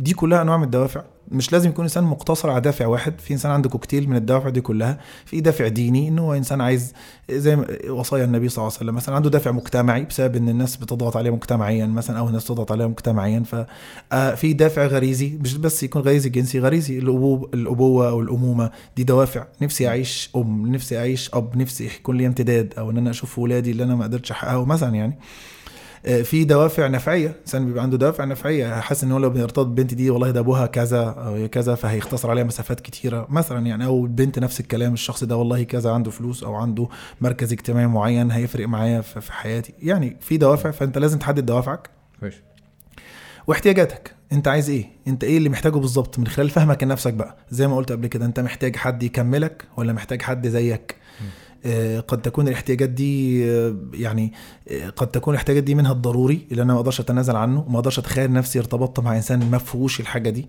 أو إن أنا أقدر أرتبط أو إن أنا ما أقدرش أتخيل إن أنا ارتبط بإنسان فيه الحاجة دي زي ما قلنا يوجد ولا يوجد ويفضل ولازم. فإن أنا بحدد دوافعي كويس جدا وأحدد احتياجاتي زي ما قلنا احتياجاتي بحددها بنفسي بوضوح بواقعية. على قد ما البنت بقى يعني البنت أو الولد أنا والله عايز واحدة مثلا أهم حاجة عندي الجمال مثلا واحد عنده دوافع واحتياجاته إن هو أنا عايز واحدة جميلة جدا حتى لو كانت مثلا ليست على قدر من التعليم العالي مثلا تمام. أو ليست على قدر من الثقافة وكده ما يهمنيش إن هي مثلا قري- بتقري كتب إيه ولا أنت بتقضي وقتك مثلا في حاجات آه، مستقبلية كتير لأ هي يومك يومك مثلا هي بتقضي يومها بيومها زي ما الناس ما هي عايشة أو العكس هي مثلا يهمها جدا في الراجل إنه يكون قادر على تأمين حياتها وحياة أولادها ماديا وعاطفيا بغض النظر عن أي والله هو عنده طموح عنده شغف عنده حاجة ما عندهاش إشكالية في حاجات زي كده طالما الراجل قادر يحقق احتياجاتها المادية. مثلا آه، مثلا في ناس في واحد لأ يهمني جدا إن هي تكون من احتياجاتي إن أنا عايز زوجتي تكون إنسانة قارئة ومثقفة وأقدر أرجع لها في, حاجات كتير في حياتي. محتاج إن لما أقعد آخد رأيها في حاجة أحس إن أنا في دماغ شغالة معايا. آه، ما أحسش إن هي ضعيفة أو مجرد ما أحكي لها المشكلة تغرق في شبر مية وتبقى هي م- تبقى بالنسبة لي مصدر للتوتر والضغط أكتر منه مصدر لل- لل- للاخذ والرد لا أنا عايز مراتي صاحبتي. حلو. صاحبتي مش مجرد صاحبتي عواط عواطف ومشاعر لا بقدر ما هي صاحبتي فعلا دماغ. مم. وأنا عارف إن ده له تبعات. يعني أنا عارف إن هي له تبعات مش هتعرف تشغل دماغها في حتت ومشاعرها في حتت. لا هي دماغها تبقى دماغ في كل حاجة. أوكي. لكن أنا مش مشكلة مش مشكلة تبقى عندي ما هياش رومانسية وعندها تركات عاطفية بقدر ما هي إيه وقت ما اتزنق ألاقيها. يا بنت الناس عندي كذا كذا فتقول لي لا طب كذا طب كذا طب إحنا ممكن نعمل كذا. النبي صلى الله عليه وسلم مثلا في فترة من الفترات كان محتاج السيدة خديجة. كتركيبة. في بداية يعني كانت أكبر منه 15 سنة واتجوزت اتنين رجالة قبليه. واخد بالك؟ فعندها خبرة وتجربة في التعامل مع الرجال وسيدة زي ما بيقولوا business business woman يعني واحدة بتاعت فاهمة إزاي الدو... فدماغها كبيرة جدا وحياتيا ومجتمعيا. وتزوجت النبي صلى الله عليه وسلم فكانت هي أنسب شخصية له في في فترة انتقاله من شخص عادل لنبي مم. يعني فاهم آه. إزاي ان آه يعني فاهم إزاي إن واحدة إيه, إيه العقلية اللي تستوعب إن جوزها فجأة كده يحبب إليه الخلاء بنفسه؟ يعني يحبب إليه ال- إنه يختلي بنفسه ويروح يضرب مشوار يعني اللي راح مكة وراح جبل النور. آه، غار حراء يعني في جبل النور يعرف قد إيه المسافة بعيدة جدا بين لأن بيت السيده خديجة كان قريب من الكعبة. فالمسافة بين الكعبة وبين جبل النور مسافة بعيدة. يعني حتى دلوقتي لو تروح بالعربية في الأسفلت وكده الدنيا بعيدة. فما بالك بقى بجبال بقى وتطلع جبال وتنزل أودية وتمشي عشان توصل للنبي صلى الله عليه وسلم. والنبي صلى الله عليه وسلم كان يتحنث الليالي ذوات العدد. يقعد في غار حراء بس بيتحنث بس بيتأمل في السماء ويت... يت- بس ما فيش عنده حاجة. وعنده زوجة وست أولاد. والسيدة خديجة تاخد الأكل اللي يكفيه وتمشي. ما تقولوش بقى أنت هتفضل قاعدين كتير بقى وسايبنا أنا وعيالك بقى وأنت آخر اللي أنت بتعمله ده إيه يعني و... كان عندها logic معين آه لازم إن كان هي واثقة يبقى- في الراجل ده ثقة بحيث إن هو حتى لو عامل حاجة هي مش فاهمة إيه اللي بيحصل بس هي مدركاه يعني. خلاص آه. أنا واثقة في عقليتك وجربتك قبل كده لما اديته فلوسها وتاجر فيها فعارفة إن الراجل ده يعني إيه ما بيهرجش يعني. ف... ف ولما يجي لها بقى في يوم من الأيام بيرتعش يقول لها زملوني زملوني ودثروني دثروني وأنا شفت واحد عنده 600 جناح وضمني قال لي اقرأ ما قالتلوش بقى دي أخذت اخرت قعدتك لوحدك وأنا ياما قلت لك القعدة في الضلمة كتير هتعمل لك ما... بالعكس هي اللي ثبتته. وهي قالت والله لا يخزيك الله ابدا وبدأت تذكره بصفاته الشخصية اللي ممكن يذهل عنها والله إنك لتصل الرحم و... و... وتحمل الكل وتعين على دوائب الحق. وبس مش مجرد إن هي طمنته وطبطبت عليه لا لا ده بدأت تفكر لا ده في موضوع الوحي. وملك و600 جناح لا طب مين طب مين حواليها هي في مجتمع وثني كل اللي حواليها بيعبدوا الأوثان. لكن عندها ابن عم ورقة بن نوفل ده راجل دخل في المسيحية مسيحي. فعنده بقى فهم الموضوع دوت. فبدأت يعني إزاي بدأت تفكر مين أحسن واحد تلجأ له في موقف زي كده؟ يعني الموضوع عندها ما انتهاش إن هي طمنه وطبطبت يعني ده راحت صرفت وراحت خدت النبي صلى الله عليه وسلم وقالت له اسمع من ابن عمك. فحكى له فقالوا لا والله إنه الناموس الذي جاء على موسى. فالسيدة خديجة كانت أنسب واحد في الف... احتياجات النبي صلى الله عليه وسلم في الفترة دي ربنا من حكمته أراد إن هو يكون السيدة خديجة هي اللي في الفترة دي معاه ولوحدها لأن هي أنسب فدايما بقول لك أنت إيه ال- إيه اللي أنت محتاجه؟ إيه اللي أنت محتاجه؟ هتعرف تحدد الصفات اللي قدامك ولازم تحدد أولويات احتياجاتك آه أنا والله محتاج واحدة دماغها كبيرة فهتنازل عن جمالها شوية لا أنا عايز واحدة دينة فهتنازل شوية مثلا عن حاجات معينة. لا أنا يهمني جدا الجانب المجتمعي حتى لو كان لازم تحدد أولوياتك. لا يمكن عشان كده بنقول بواقعية. ما ينفعش تقول واحد عايز واحدة جميلة جدا دينة جدا اجتماعية جدا فاهمة جدا عاقلة جدا مش عارف إيه. انت مش كده. هو أنا مهم بالنسبة لي الكلام اللي أنت بتقوله ده في حتة إنه ال- الحديث بيقول إيه؟ آه تنكح المرأة لاربع صح مظبوط. تمام. فاللي أنت بتتكلم فيه إنه إيه؟ آه منطقي. ووارد وينفع جدا إن أنا آه أفكر في. في النقط دي كلها صح. وما هياش تفاهة بس أنا- بنسب بقى هي الفكرة في النسب تمام أنت عايز كام في المية جمال وكام في المية حسب وكام في المية دين وكام في أنت إيه بقى أنت عايز إيه في تمام. واحد أنا عايز بقى لا أنا عايز مية في المية دين وإن كان الحسب والنسب والجمال والمال ده مش موجود أوكي. ما عنديش مشكلة أتقبل إن هو 10% 15% 20% فاهم؟ ما عنديش مشكلة أتقبل. بس أنا عندي دايما النسب مش بس إن أنا أركز أنت ك... لازم كده كده في نمط اسمه التكاملي اللي بيفكر بكل الاحتياجات والدوافع دي. لكن لازم في النهاية هيفكر في النسب. إيه الأولويات؟ أنا ببص عليه الأول. أهم حاجة عندي إيه. آه، خير المرأة متاع وخير متاعها المرأة الصالحة. طيب المرأة الصالحة دي النبي حط تحت تحتها بنود. مش الصالحة ما قالش إيه؟ التي إذا قامت تقوم الليل وتصوم النهار و... لا التي إذا نظرت إليها سرتك. حط من ضمن الصلاح إنك لما تشوفها تبقى مبسوط. ما قالش إذا نظرت إليها أبهرتك. مش يعني النبي قال سرتك. يعني كويس. مرتاح لرؤيتها. ما أنتش ما أنتش قافل من من النظر إليها. فده النبي حطه من ضمن الصلاح. التي إذا نظرت إليها سرتك. ده من ضمن من ضمن بنود الصلاح. يعني فاهم إزاي؟ وإذا أمرتها أطاعتك يبقى ده بند من بنود الصلاح. وإذا غبت عنها حفظتك في مالك وعرضها يبقى ده بند من بنود الصلاح. فالصلاح مش مقتصر على إن هي لابسة حجاب كامل أو لابسة أو بتصلي الصلاة في ميعادها لأ في من ضمن بنود الصلاح إن هي تعجبني لما أشوفها تعجبني. إن أنا فانكحوا ما طاب لكم من النساء فده بند. لا تستطيع أن تغفله ولا تستطيع إنك تكون في يعني حتى أنا بقول لهم حتى في الدورة كده إن الإسلام ميزته انه بيعمل نوع من التوازن ما بين الروح والجسد. لا بيركز على الجسد فقط بس والجوانب المادية في العلاقة ولا بيبص جدا على الجانب الروحي ويلغي الإيه؟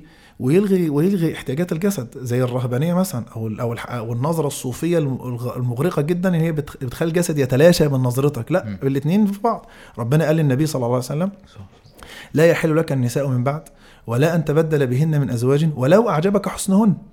فده دل على إن النبي صلى الله عليه وسلم قد يعجبه حسن امرأة وإن يتزوج امرأة عشان عجبته.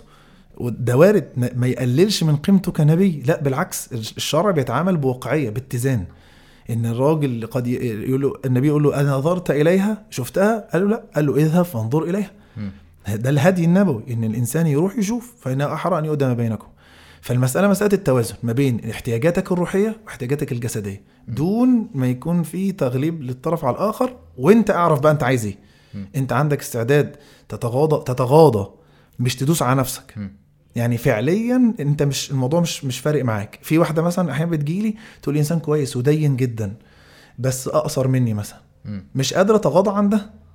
يعني أنا حاسة من جوايا إن أنا متضايقه إن أنا أطول يعني, منه يعني دي دي مش مش تفاهة إن أنا خالص. خالص ده اللي أنا يعني عايز أوصل له يمكن البنات كتير آه. بتجيلي في الحتة دي تقول لك وأنا لو رفضت عشان شكله ربنا هيسخطني بقى قرد ولا هيجيب لي بقى واحد يطلع عيني لا يا ست الكل مفيش مشكلة عادي ده ربنا جعل لازم تكون أنت مرتاح أنت وهو. يعني هل أنا لو رف... أصلا أنا شفتها ما عجبتنيش قوي بس خايف أكسر بخاطرها. لا يا حبيبي ما ينفعش. أنت بكرة هتكسر رقبتها مش هتكسر خاطرها. يعني حلو جدا. أنت لو ما حسيتش إن أنت مرتاح ومقدم أنت كده هتتعب وهي هتتعب. فلا إذا ما كانش عجب أو في في في حاجة أوعى تضغط على نفسك عشان أنت هتضغط على نفسك فيه ده. بكرة هيسمع. حلو. يعني انت أنا بقول لهم كده إذا كان هي عجبتك دلوقتي 60% بكرة ال 60 دول بعد الجواز يبقوا 40 هيبقوا 20 فانت لازم تعمل حساب الفوران ده لما يهدى. يعني بقول لهم انت لما تيجي تعبي ال- البيبسي أو الكولا في في في, في كوباية بتلاقي الفوران مال الكوباية كلها. في حين هو ربع الكوباية بس اللي فيها الحقيقة. لكن انت لو استنيت شوية وهديت كده هتلاقي الدنيا هي ربع- 10% بس اللي اتملى والباقي كله رغاوي. فانت ال ال ال الانبهاره الأولى دي لو ما جابتش فوق خالص لازم تعمل حساب ده هينزل. كويس. يعني انت دلوقتي بتقول انه آه الناس آه يعني رغبتي في ان أنا ارضي ربنا بإن أنا يعني مثلا ألاقي واحد دين جدا أو واحدة دينه جدا آه في ناس بتحس إن هي لو دورت على أسباب دنيوية أو أو بصت في نفسها لقت إن رغباتها مش متماشية مع الشخص الفلاني ده بيخليهم أصلا يعملوا حاجات غلط دينيا. وبالتالي إن أنا كل ما أعرف نفسي أكتر وكل ما أمشي في الحياة أكتر ده بيخليني أصلا أوفي الدين أصلا. صح. كويس. مظبوط، صح، كده. يعني صح. هي اللفة في ال... آه. أيوه صح. أنت أوعى تغفل الجان الدين ابدا لا يتعارض مع رغباتنا الإنسانية. الإنسان دايما ربنا سبحانه وتعالى قال على على الرهبانية اللي ابتدعها النصارى. قال ورهبانيه ابتدعوها ما كتبناها عليهم. حلو. ربنا ما كتبش عليهم إن هو هم معتقدين إن أنا عشان أوصل لمرحلة ودي نظرة زي ما بيقولوا إيه نظرة صوفية قوي يعني أو صوفية خدوا الحتة دي منهم قوي. إن أنا عشان أوصل لربنا لابد إن أنا أتخلى عن جسدي وإن الجسد ده يبقى بالنسبة لي بكل احتياجاته ورغباته لازم أبص له بنظرة احتقارية دونية جدا. فلا الجمال فارق معايا ولا رغباتي الجسدية خالص. الكلام ده غير صحيح. لابد إن أنت تراعي الجانبين. أنا دلوقتي راجل أو واحدة عايزة إنسان متدين. إيه هو التدين في نظرك؟ مم. أو أنا عايزه واحد عايز واحدة متدينة. إيه هو نوع التدين؟ هل التدين عندك قاصر على الشكل الظاهري؟ إن هي لابسة مثلا حجاب كويس أو هو شك أو هو ملتحي مثلا. هل هو ده التدين؟ بغض النظر عن أخلاقه وتعاملاته. في ناس كويسين جدا مع ربنا فشلة جدا مع الناس. مم. يعني في إنسان حطه في المحراب وسيبه. قوام صوام مع ربنا لكن هتيجي عندي مثلا في الجانب الإنساني؟ لا. مم. سيدنا أبو ذر مثلا. راجل كان زاهد في الدنيا. لما آخى النبي صلى الله عليه وسلم بين المهاجرين والأنصار آخى بين أبو ذر وسلمان الفارسي رضي الله عن الجميع. سيدنا سلمان الفارسي دخل على سيدة زوجة سيدنا أبو ذر فلقاها متبذلة. يعني إيه؟ مش مش مهتمة بنفسها لابسة لبس مش كويس كده فبيقول لها طب يعني يعني طب البسي لجوزك كويس. قالت له إيه؟ أخوك أبو ذر. لا ارى له في الدنيا. يعني أبو ذر مالوش ولا فارق معاه ألبس إيه وما ألبسش إيه. هو راجل مع ربنا كويس جدا. لكن هو أصلا مش فارق معاه مراته تلبس إيه أو تعمل إزاي مش فارق معاه. فلما جه سيدنا أبو ذر رضي الله عنه وجه حطوا الأكل فقال لهم كلوا أنا صايم. فقال له آه، كل يعني افطر ما ينفعش يبقى عندك ضيف وتبقى أنت صايم. فجم يناموا فهو هيهيأ له المكان ورأهم هو يقوم. فقال له نم نام. فنام. جه يقوم تاني فقال له نم لحد ما بقي ثلث الليل الآخر فقال له الآن فصلي. فقام صلى. فلما صحيوا الصبح قال له إيه إن لبدنك عليك حقا. وإن لزوجك عليك حقا وإن لزورك لزارك يعني اللي جاي يزورك عليك حقا. وإن لربك عليك حقا وإن لنفسك عليك حقا فأعطي كل ذي حق حقه. هي الوزنه دي. فلما راح لقى النبي صلى الله عليه وسلم قال له صدق سلمان. أقر على الكلام ده فأصبح في رتبة كأن النبي صلى الله عليه وسلم قاله لأن الإقرار من ضمن سنة النبي صلى الله عليه وسلم. فالوزنه دي الإنسان اللي يقدر يحقق مش معنى إن أنا بتعرف في إنسان تلاقيه يعني واحدة تيجي تقول لك أنا اتجوزت إنسان آه، جالي إنسان ما شاء الله لا قوة إلا بالله ملتحي.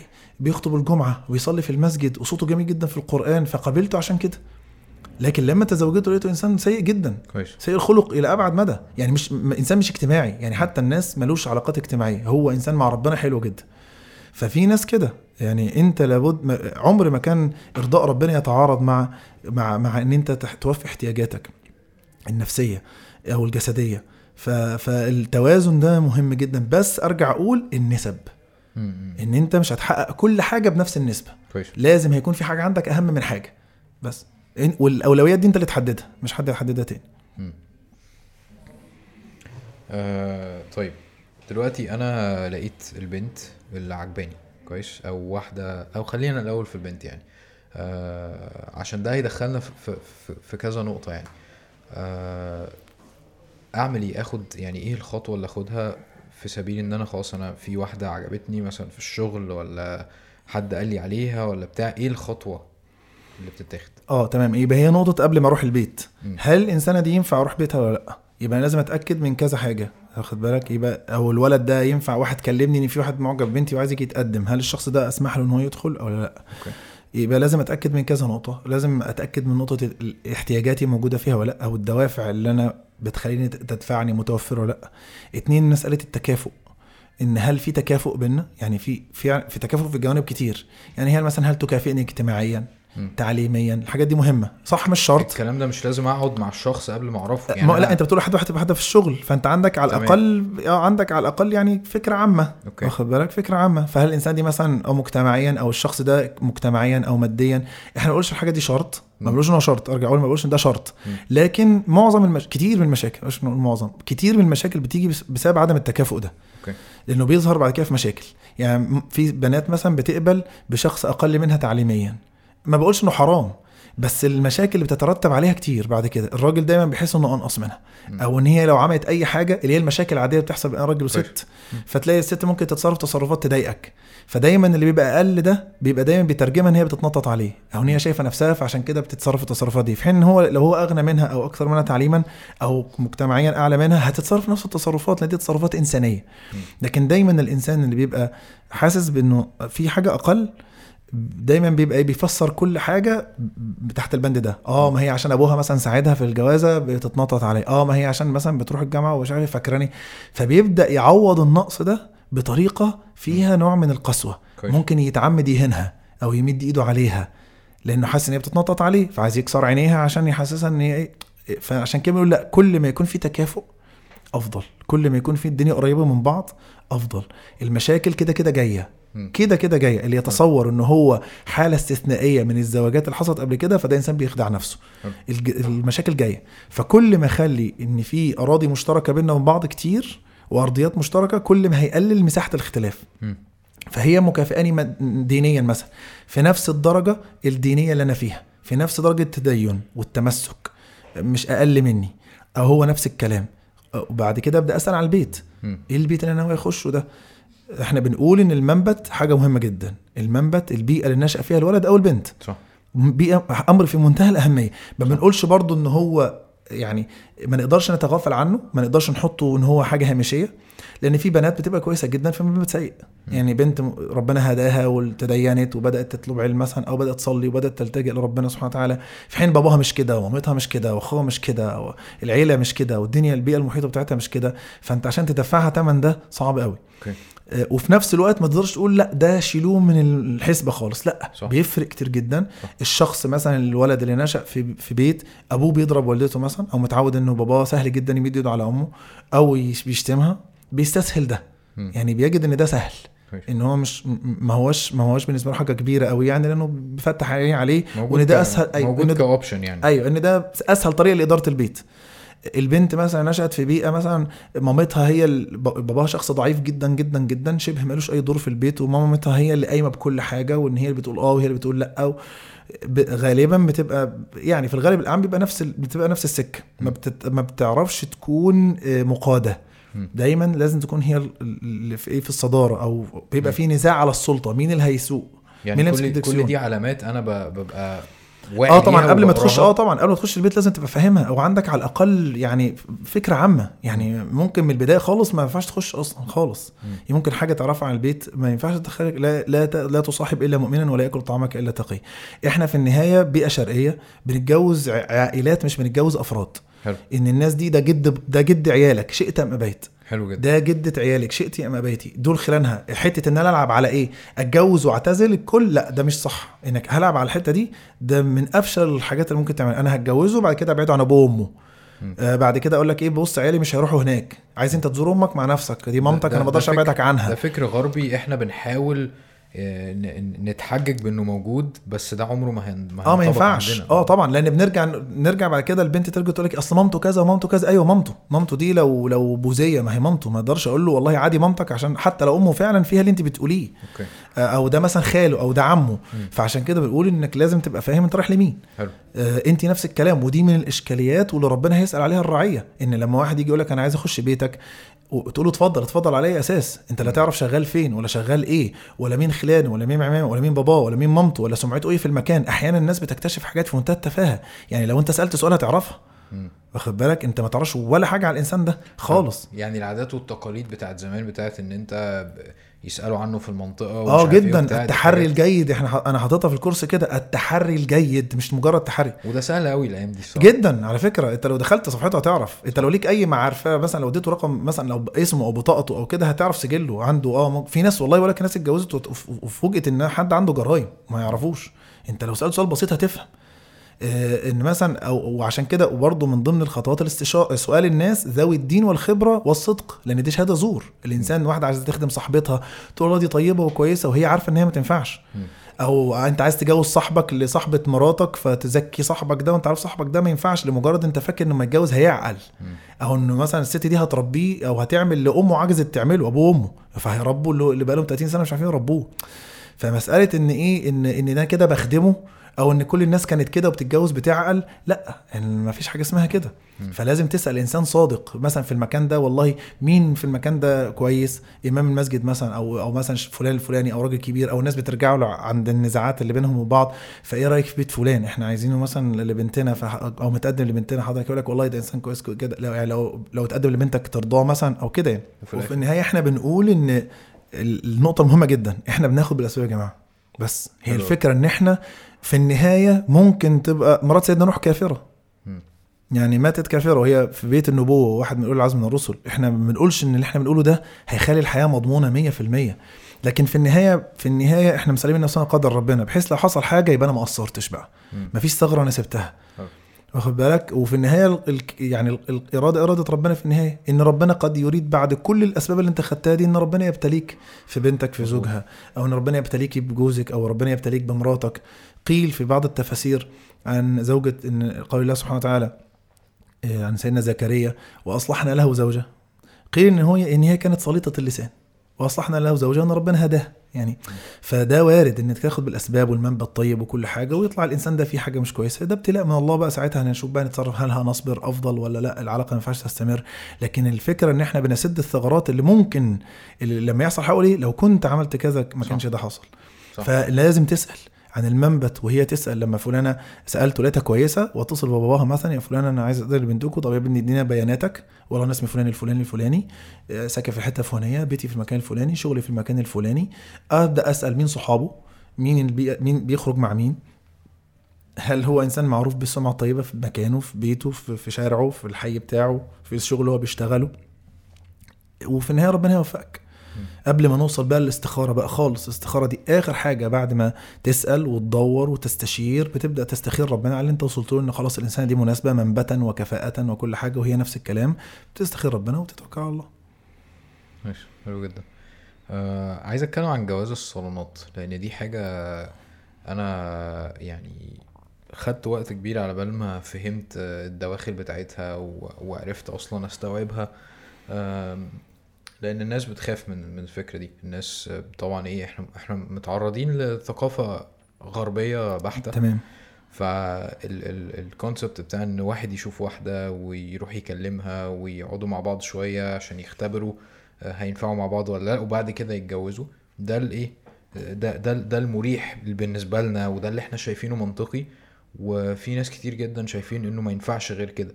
أنا يعني. إيه هروح أخطب واحدة وبعد كده أكتشفها. فاهم قصدي؟ هما بيتخيلوا إن الخطوبة دي أنت كده لبست تمام. تمام؟ تمام. فح- فحابك توضح لي آه، أو أو to break down أو توضح لي الموضوع ده تمام. آه، آه، في نقطتين هنا مهمين جدا. أنا بقول يعني إحنا في في الدورة بنقول إن إن في فرق بين اتخاذ القرار وحسم القرار. okay. اتخاذ القرار ده بيتاخد بالطريقة اللي إحنا قلناها دي الاختيار والسؤال وال... والاستشارة و و و ثم الاستخارة وبعد كده الرؤية الشرعية. وبناء عليه والقعدة في الرؤية الشرعية بيحصل فيها إيه؟ وبناء عليه باخد قرار لكن ما بحسمش القرار. حسم القرار بيبقى بعد فترة الخ- ال- ال- الخطوبة. هل هل قراري بالموافقة في البداية سواء هو أو هي كان صح في محله ولا لأ؟ بدأت تتبدى جوانب وحاجات خلتني أبدأ إيه؟ أتردد في ال في, ال في الكلام الأولاني. النقطة التانية دايما بنقول إن العلاقات خارج الإطار اللي ربنا رسمه هو حمل خارج الرحم. حمل خارج الرحم. الزواج هو الإطار الوحيد هو الرحم. يعني كده كده هيقع قصدك. لا مش كده كده هيقع. إيه إيه إيه التبعات الناس بتبص بس للإيه؟ الناس فاكرة نفسها ممكن تضحك على ربنا. واخد بالك؟ وده مش صحيح. إن أنا والله همشي معاه وأجربه وأجربها ياما ناس دفعت الثمن غالي جدا بسبب الإيه؟ أصل ده نوع من المخاطرة. أنت بتقول أنا همشي في أرض الألغام بس مش هينفجر فيا. علاقة بين راجل وست. في بينهم انجذاب عاطفي. إن أنا أوصل لمرحلة إيه، إن أنا يعني ده أمر لا يمكن ينضبط. لا يمكن ينضبط. مستحيل ينضبط. المشاكل وبقول لك لولا إن ليه ليه الناس ما بتاخدش بالها من كده؟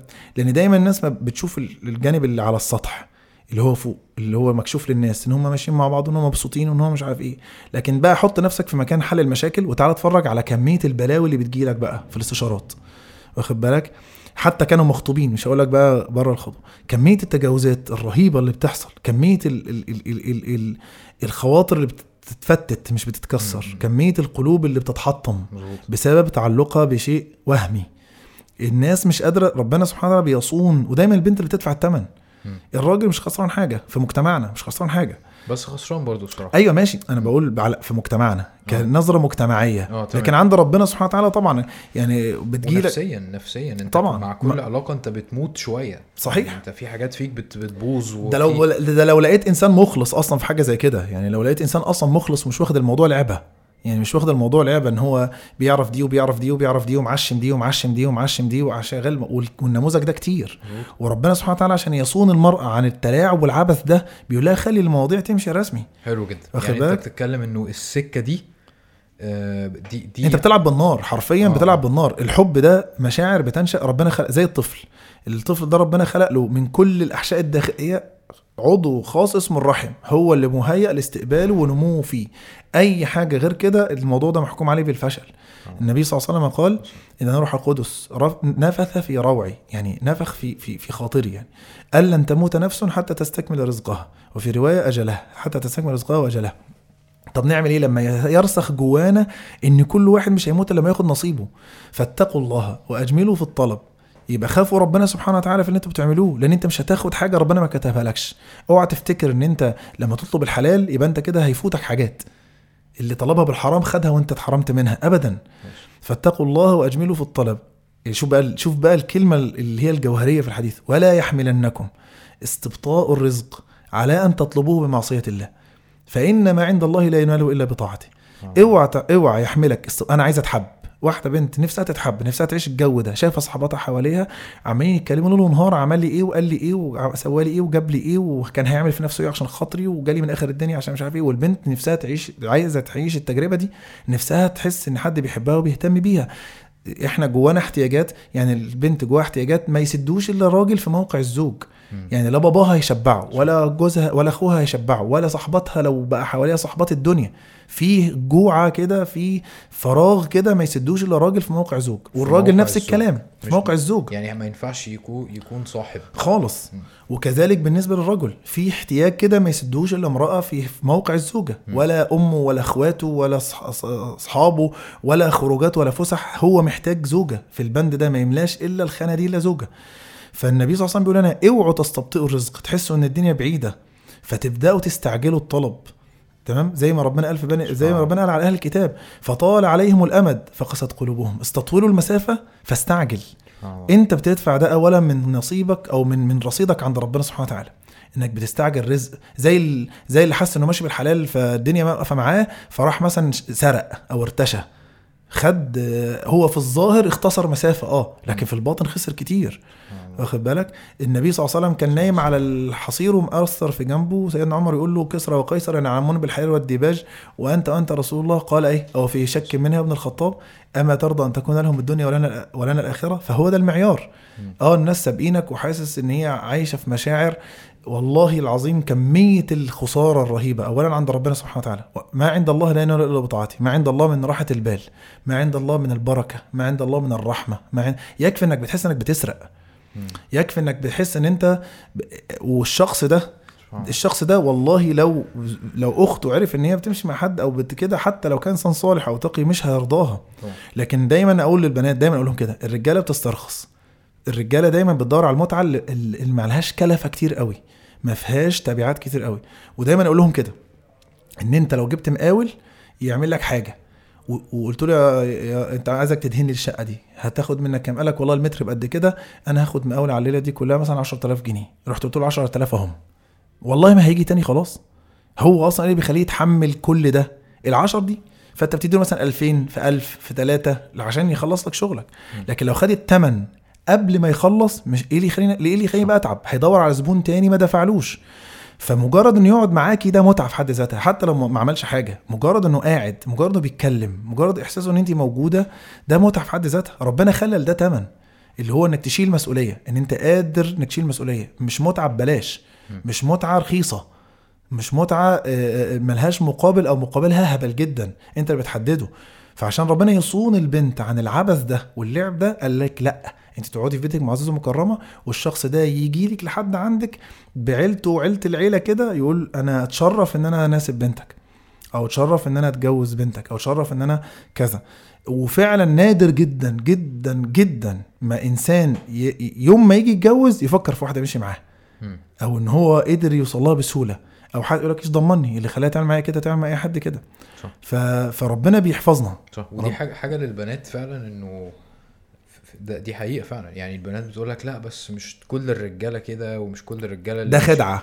والله أنا أهو إحنا ما كناش كلنا مش كلنا اتولدنا بدقن يعني. كلنا كنا شباب عاديين وكنا بنقعد مع بعض وعارفين إيه اللي بيتقال. يعني إحنا كرجالة عارفين الشباب مع بعض بيقعدوا إيه اللي بيتقال؟ فرق قوي لما تقول فلان مرات فلان وفلانة بت البت بتاعت فلان فلان. كلمة رخيصة قوي يعني ما فيش إنسان عنده غيرة على نفسه يرضى إن يتحط في الموقع ده. آه ربنا بي النبي قال إيه؟ أعلنوا النكاح واضربوا عليه بالدف. ليه؟ عشان دي حاجة إيه؟ تبقى في العلن قدام الناس كلها. ما اتكسفش إن أنا يراها ولا حد شافني ماشية معاه أو أمشي في مكان أضمن إن ما حدش من بيتنا يشوف يشوفني مثلا أو أمسح ال history بتاع المكالمات أو أمسح حاجة أو أسميها باسم تاني أو أسميها على موبايلي باسم تاني الاثم ما حاك في صدرك وكرهت أن يطلع عليه الناس. مهما وارجع أقول لك مهما عشرت ومهما قعدت تعمل كده انت فاكر ان ده ضمان ان ده هينفع في الزواج خالص. في حاجات وبقول لهم كده ياما حاجات مش هتعرفها في مراتك إلا بعد ما تبقوا أزواج. يا رب تقعدوا سنة مخطوبين. في حاجات لقطات مش هتتعرف إلا لما تبقوا فعلا أزواج في بيت واحد. في حاجات هتكتشفها في زوجتك أو زوجك بعد سنة جواز وبعد سنتين جواز وبعد ثلاث سنين جواز. فان إن إن ال- ال- ال- المواضيع اللي بتحصل قبل الجواز دي ما هي إلا شهوة مبطنة. بس الخاسر فيها مجتمعيا البنت. عشان كده ربنا سبحانه وتعالى في كل حاجة في القرآن بيقدم الراجل حتى في الكفر ال- ال- حتى في الشرك المشركين والمشركات المنافقين والمنافقات في السرقة السارق والسارقة. المؤمنين والمؤمنات القانتين والقانتات إلا في الزنا. هتجد ربنا يقول إيه؟ الزانية والزاني. يحط الست في الأول. ليه؟ لأن هو ما يقدرش يعمل حاجة غصب عنها. إذا ما كانتش هي موافقة إن هو يعمل كده والمسألة بتيجي بالخطوات. المساله تيجي خطوات. دايما الراجل بنقول الراجل الرجل يعطي الحب ليحصل على الجسد والمرأة تعطي الجسد لتحصل على الحب. هو يبدأ يت- يتعامل معاه. هي عاجبها الجو الحب اللي هو معيشه لها. اللهفة والحرص وال... والكلام الجميل هي عايزة تسمعه. هو بيديها الكلام ده عشان في النهاية عنده target هو هو مش مخططه هو مش حاطه. هو اوتوماتيك دي طبيعة الأشياء. ولا تتبع خطوات الشيطان ومن يتبع خطوات الشيطان فإنه يأمر بالفحشاء والمنكر. هو دي خط دي الخطوه يا بني آدم آه، آه، أعوذ بالله الرجيم في سورة الأعراف. يا بني آدم لا يفتننكم الشيطان كما أخرج أبويكم من الجنة. إيه هدفه؟ ينزع عنهما لباسهما ليريهما سواتهما. هو هدفه كده. فهو يبدأ الولد ما بقاش يشبعه كلمات الحب. عايز عايز خطوة بعد كده عايز يمسك إيديها مثلا. لازم لازم هو كده. هي ممكن ما تفكرش كده. صح. فيبدأ يقول لها طبعا يجي يحاول يمسك إيديها ترفض. يبدأ هو يتضايق. فيبدأ يبعد. فهي عشان تحتفظ بوجوده تبدأ تتنازل. فخليه يمسك ايديها. زي ما قلنا كده البنت بتدي الجسد عشان تحصل على الحب عشان أفضل ضامنة إن أنت هنا فتبدأ تاخد الخطوة اللي بعدها. طبعا نفسي أشوفك من غير الإشارب. إلى الحجاب أشوفك من غير الحجاب. للأسف وهكذا وهكذا وهكذا. صح. فعشان كده الشرع بيقول لها لا صوني نفسك. صح. صوني نفسك. اوعى تف... لا تفتنيه ولا ولا تفتني أنت لأن دي النتيجة الطبيعية. واللي بيعرف وحتة إن أنا أقامر بقى أجرب يا صابت يا خابت راح ضحاياها ناس كتير جدا للأسف ومستقبل ناس كتير جدا ضاع. وفي الآخر ما وصلوش لحاجة ولا طالوا ده ولا طالوا ده. مفيش بنت بتعرف ترفض حاجة لولد. يعني خلينا نبقى متفقين على دوت. حتى لو هي شايفة إن هي تقدر وإن هي قوية ومش عارف إيه آه، في- في في الموقف اللي أنت حكيته دوت يعني دايما دايما الولد بيعرف آه، ياخد اللي هو عايزه. للأسف الشديد يعني. أبسط كلمة أنت ما بتحبنيش. لا والله دي الكلمة دي توجعها جدا. لا بتحبني. طب لو أنت بتحبيني بتثقي فيا يبقى أكيد مش واثقة فيا. فتبدأ عشان تثبت له إن هي فعلا بتحبه فتبدأ تتنازل سنة في سنة. يعني أنا مثلا بيجي لي شباب بيوصلني مثلا لمراحل مثلا في العلاقات دي فأقول له مثلا اقطع دلوقتي. بقول له أنت لما من أول يوم اتكلمتوا زي دلوقتي صعب. هي خطوات. مستحيل. وتيجي تقول لك والله العظيم كنا بادئين محترمين جدا والكلام كان كله في إطار اطمئنان على بعض وإنه مثلا قربني من ربنا جامد أو قربته من ربنا جامد أو إن هو بيصلي بعد ما عرفني الشيطان لازم ما قلنا بيخش بالخير زي الشر بالظبط. فلا يمكن لا تتبع خطوات الشيطان. سيدنا عبد الله بن مسعود وده اللي كان بيفرق الصحابة عننا. الصحابة كانوا صادقين جدا مع نفسهم ما بيدروش احتياجاتهم عبد الله بن مسعود وهو يعني راجل من أوائل المسلمين. وكان يعني النبي صلى الله عليه وسلم قال كان مرة طلع عبد الله بن مسعود طلع على على نخلة فالهواء حرك الجلابية بتاعته فبان رجله صغنططه جدا رفيعة خالص فالصحابة ضحكوا. فقال النبي صلى الله عليه وسلم أو تعجبون من دقة ساق ابن مسعود من رفع رجله يعني لهي أثقل عند الله من جبل أحد. من مشيها في سبيل الله وقيامها في سبيل الله. فعبد الله بن مسعود ده النبي قال من أراد أن يقرأ يسمع القرآن غضا كما نزل فليسمعه من ابن أم عبد. هو نفسه بيقول لو أمنتموني على خزائن المسلمين أمنتكم عليها لا أخرمكم منها درهما. ما ضيعش درهم واحد. ولا تأمنوني على أمة سوداء. ما تقوليش خد دي عندك أمانة أما عبدة سوداء. ما تأمنونيش عليها. نفس الفكرة يقول لك والله أنا أقدر وأنت معايا وأنت مراتي يا بت وأنت خايفة معايا ولا إيه؟ كل الكلام ده ما هو إلا. آه. تيسير إن هو يوصل للمرحلة دي. والشخص لو وصل للمرحلة إنه يبدأ يحس إن الانسانه دي خلاص بيجي ساعتها زي المقاول اللي خد فلوسه قبل ما ي... قبل ما يخلص شغله. خلاص ما عنديش الحافز آه. اللي يخليني أكمل. دايما ربنا بيخلي احتياج الراجل الجسدي للست هو الحافز اللي يخليه يشيل المسؤولية. عايز تقعد وتتكلم وتستمتع وتهرج وتضحك وتبقى معاك شيل المسؤولية. لكن انت بتخليه يستمتع بلا مقابل وهيوصل معاكي في مرحلة من المراحل انك تقولي يا ريتني. وبعد كده لما يحصل على اللي هو عايزه هتبدأي بقى تلاقيه بقى في الموبايل وما بيردش عليكي وهتلاقي التعامل اتغير خالص جدا وهتبقى في نظر انك إنسانة ساقطة جدا وانت فاكرة نفسك أنا ممكن أ... ودايما ما تراهنيش على على على على على, على القصص اللي نجحت. طب ما فلان كان ماشي مع فلان واتجوزت. مش ده مش مقياس ده مش معيار. هي المسألة مخاطرة. انت بتعوم في بحر مليان سمك قرش. ما ينفعش تراهن قبل كل حاجة ما ينفعش تراهن برصيدك عند ربنا سبحانه وتعالى. إن ده عرض ربنا أمنك عليه. كون إن أنت تبداي تفرطي فيه أنت بتحط نفسك قدام ربنا في مسؤولية كبيرة جدا ولها تبعاتها عاجلا أم اجلا. آه. يعني آه عشان بس إيه أجمع ال- النقطة اللي أنت قلتها دي إنه الناس اللي بتسلك المسلك بتاع خلينا نقول عليها صحوبية لأن هو ده ده اسمها يعني آه رغم إن أنا ما بحبش جدا الكلمة دي بتبقى يعني بترغب في إن هي تعيش فقرة كده رومانتك وده مطلوب ودوت يعني حقهم جدا وحاجة حلوة جدا وبيتخيلوا إن المسلك التاني الشرعي بتاع إن أنت تشوف واحدة وتخطبها ومش عارف إيه آه إنه آه ده مش هيحصل في في, ال- في الطريق التاني ده إن هو. لو أنا رحت البيت ورحت وعملت ومش عارف إيه وبتاع ده مش هيحصل؟ تمام بس دي مش حقيقة خالص ال- الواقع إنه آه، ربنا سبحانه وتعالى بيخليك تمر بالخطوات دي عشان بس تتأكد إن البنت دي نافعة لك وانت تتأكدي عشان بعد كده تبتدوا في الحلال ال- الصحوبية الحلال. يعني whatever يعني لو إحنا هنسميها كده يعني. فربنا بيحفظ لك الايه ال- الحاجة لسه في م- مغلفة وجميلة ومش عارف إيه وبتاع علشان يوم لما أنت تعقد خلاص. ودي المشكلة. يعني أنت قلت حتة حاجة كويسة جدا. المشكلة إن الناس في, في التركيب في الوقت اللي إحنا فيه دوت الناس عندها شغف رهيب جدا بالمتع. عندها وده من ضمن اسباب الطلاق كتير. ال- التركيز الرهيب جدا على الجانب الم... الاستمتاعي مخلي الناس ما عندهاش استعداد تصبر وتتحمل مسؤولية. إحنا عايشين في الدنيا. آه والله أنا عايز أعيش رومانسية. ماشي يا سيدي عيش رومانسية في, في, في إطارها. لكن المشكلة إن هو إيه؟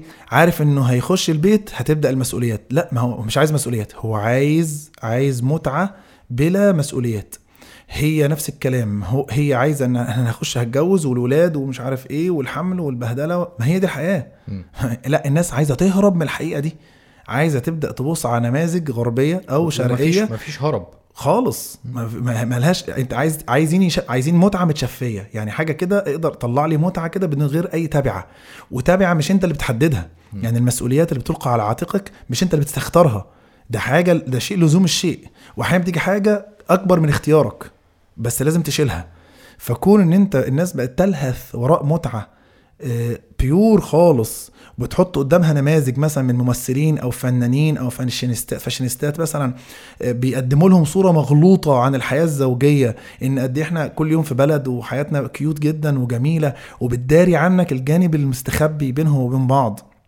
المشاكل وسوء التفاهم والخناقات والكلام ده كله فتفتكر إن أنت نفسك تعيش النموذج ده أو تلاقي الشخص اللي عايشك الحتة دي فالأذواق تبدأ تبوظ وتبدأ تركز هو الدجال هيجي يعمل إيه؟ هيلعب على ده على احتياجات الناس الدنيوية مقابل ال- ال- الالتزامات الأخروية مم. الناس جاي لناس جعانة فيقول لهم خلاص آمنوا بيا ان انا ربنا وأنا هفجر لكم الأرض أكل وشرب وكده النبي النبي صلى الله عليه وسلم كده يأتي إلى أقوام يعني ف- فيؤمنون به فتعود عليهم سارحتهم اوفر ما تكون لحما. يعني ترجع بعد ما كانت الغنم والجمال بتاعتهم هزيلة جدا ولا فيها لبن ولا لحم ترجع مليانة اضراع على لبن ومليانة لحم. ويمر على قوم فيكفرون به فيصبحون ممحلين. يعني يمر على الناس يقول لهم أنا ربنا يقول أنت ربنا أنت الدجال وكده. فييجوا تاني يوم خلاص الدنيا بتاعتهم ممحلين يعني مش لاقيين ياكلوا. فدايما الفتنة بتيجي على اللعب على إيه؟ متعك احتياجاتك أنت الدنيوية. أنا نفسي أعيش النموذج الدنيوي ده. ده مش حقيقي. اللي أنت شايفه شايفه ده بين الممثل ده والمغني ده ومراته ده شيء مش واقع. هو بيظهر لك الجانب اللي أنت عاي... اللي أنت نفسك تشوفه. وأنت عايز تصدق كده. فالناس تقول لك إيه؟ خلاص أنا عايز وقت عايش وقت اللي هو الصحوبية اللي أنت بتقول عليه ده اللي هو وقت الإيه؟ الحب بلا تبعه. الجمال كله واللي هو الرومانسية والحب المتبادل والهدايا والمفاجآت والاهتمام والغيرة والكلام الجميل ده من غير ما يكون في إيه؟ هات. وأنا محتاجة وأنا متضايقة وأنا النهارده نفسيتي حمضانة وأنا لأ أنا جاي من الشغل مضغوط فهطلع خلقي فيكي. مش عايزين الايه عايزين حاجة صافية جدا وده مش موجود ده سراب. مم. الناس بتدفع في سبيل الوصول للسراب ده أعراضها ورضا ربنا عنها ودينها. إحنا مسلمين.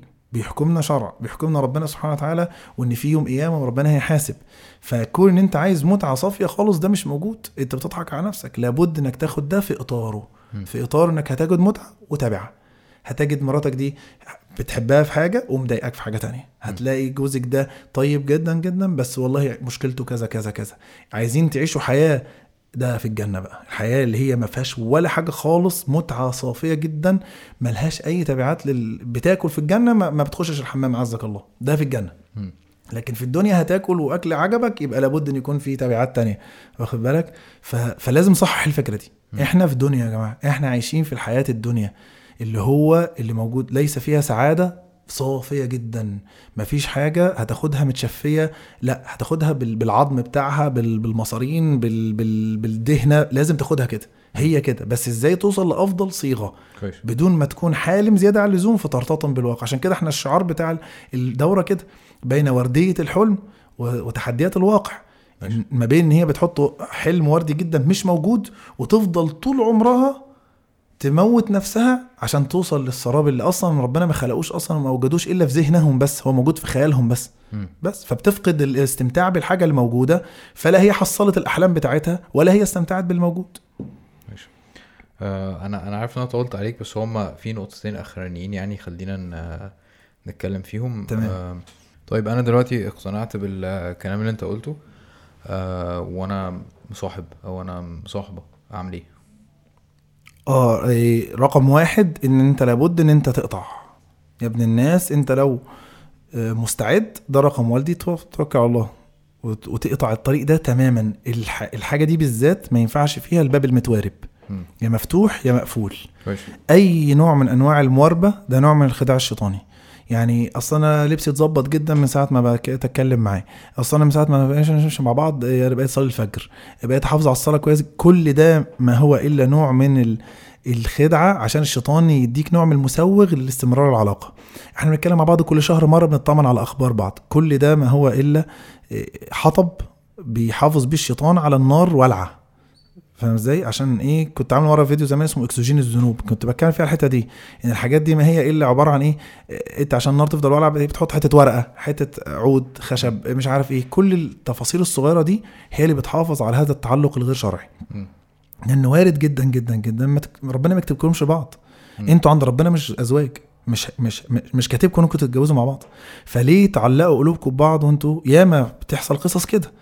الولد مش جاهز والله وجات لي مشكلة كده. يعني ولد راح آه، أظهر لواحدة رغبته فيها وإنه عايز يتجوزها بس استنيني كالعادة.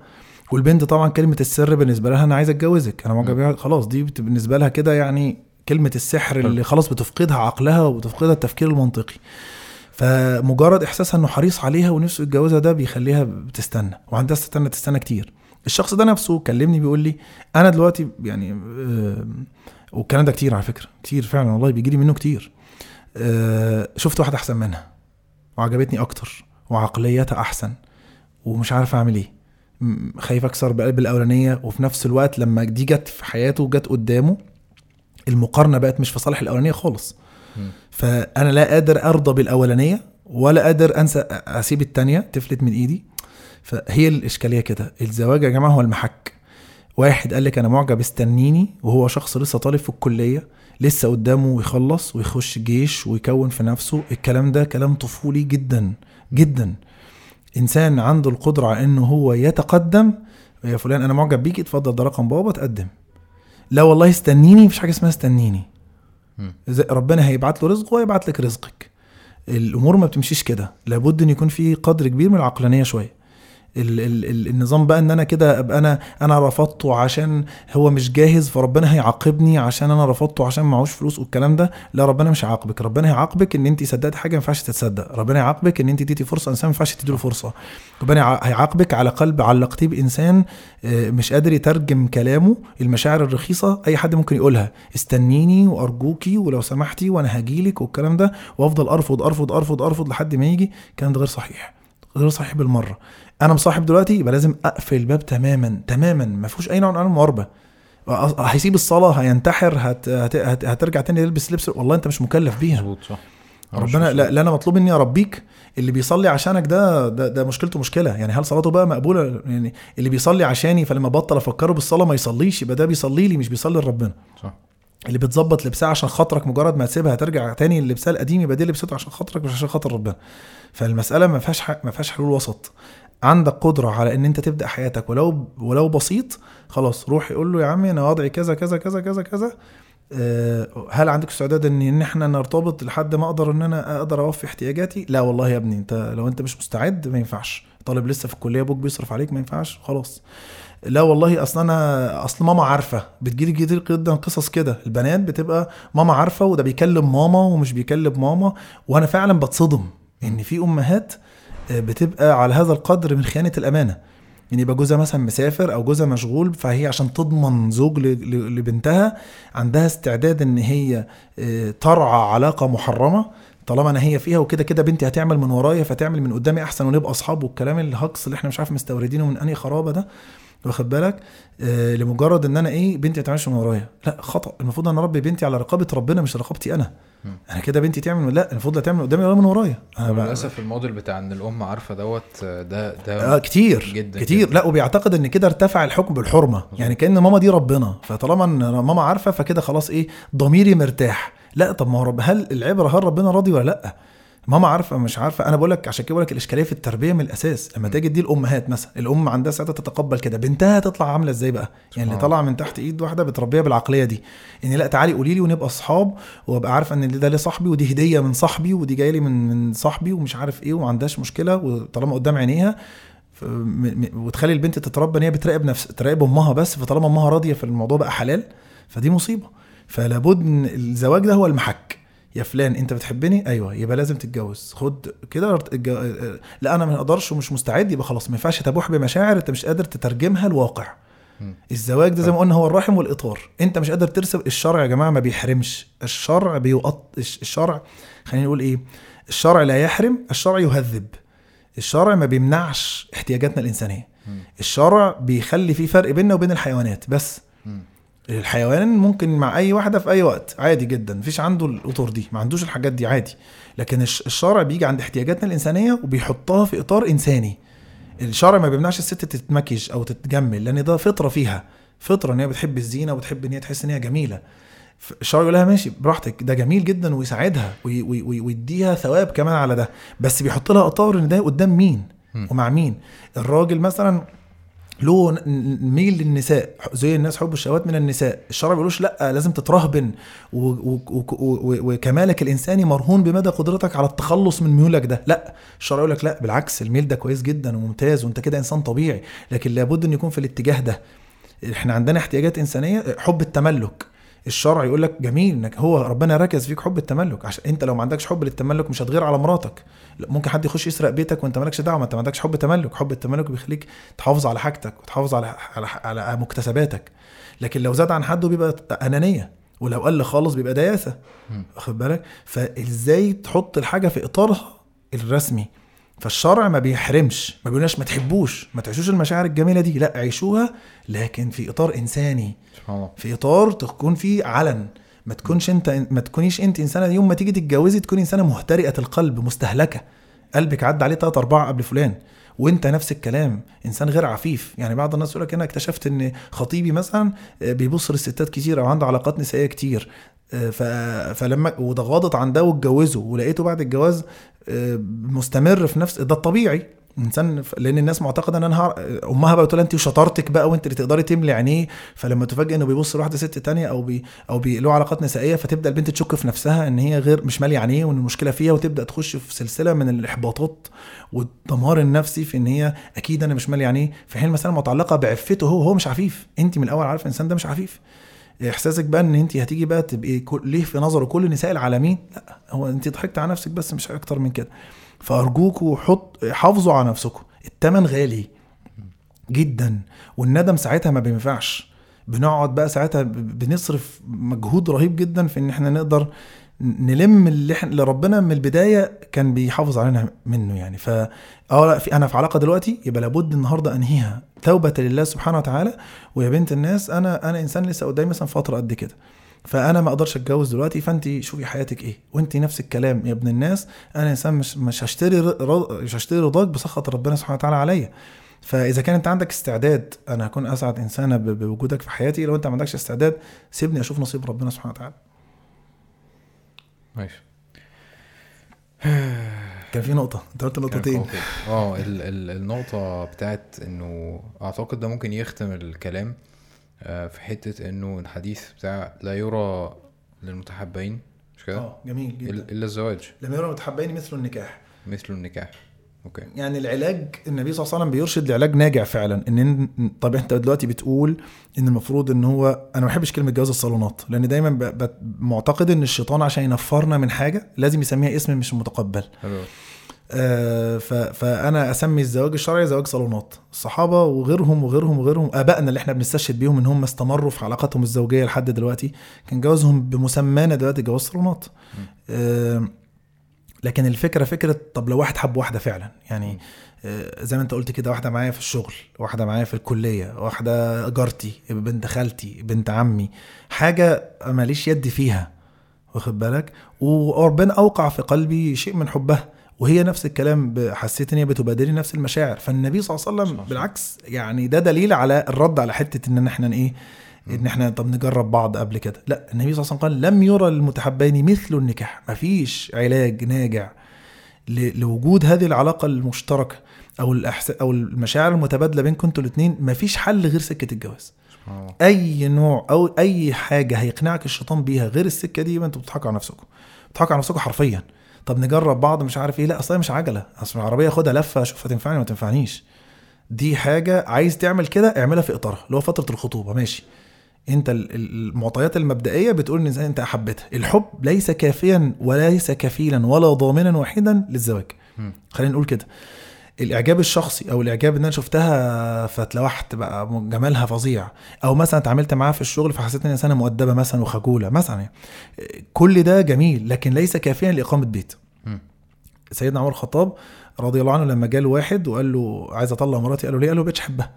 قال ومنذ متى إيه؟ تقوم البيوت على الحب فقط. إن أوهى البيوت التي يبنى على الحب. ليه؟ لأن الحب بمعنى الحب اللي هو الانجذاب ده. بيروح بيتلاشى مش بيتلاشى بيضعف بياخد بياخد ال level ال- ال- اللي هو الطبيعي بتاعه. زي ما قلنا الفوران اللي بيبقى في الأول ده والفوران ده بينزل فبيديك الحجم الحقيقي للحاجة. الشدة اللي في الأول. إن لكل عمل شرة. فمجرد ما الشره دي بتنتهي بتلاقي الإنسان دي خلاص شكلها عادي في نظرك إنسانة عادية. بتبدأ تشوف عيوبها التانية اللي هتبدأ تقابل مميزاتها اللي خلتك تتشد ليها في الأول. أنت شفتها في الشغل في زاوية واحدة بس م. اللي هي اللي زميلة ال- زميلة الشغل.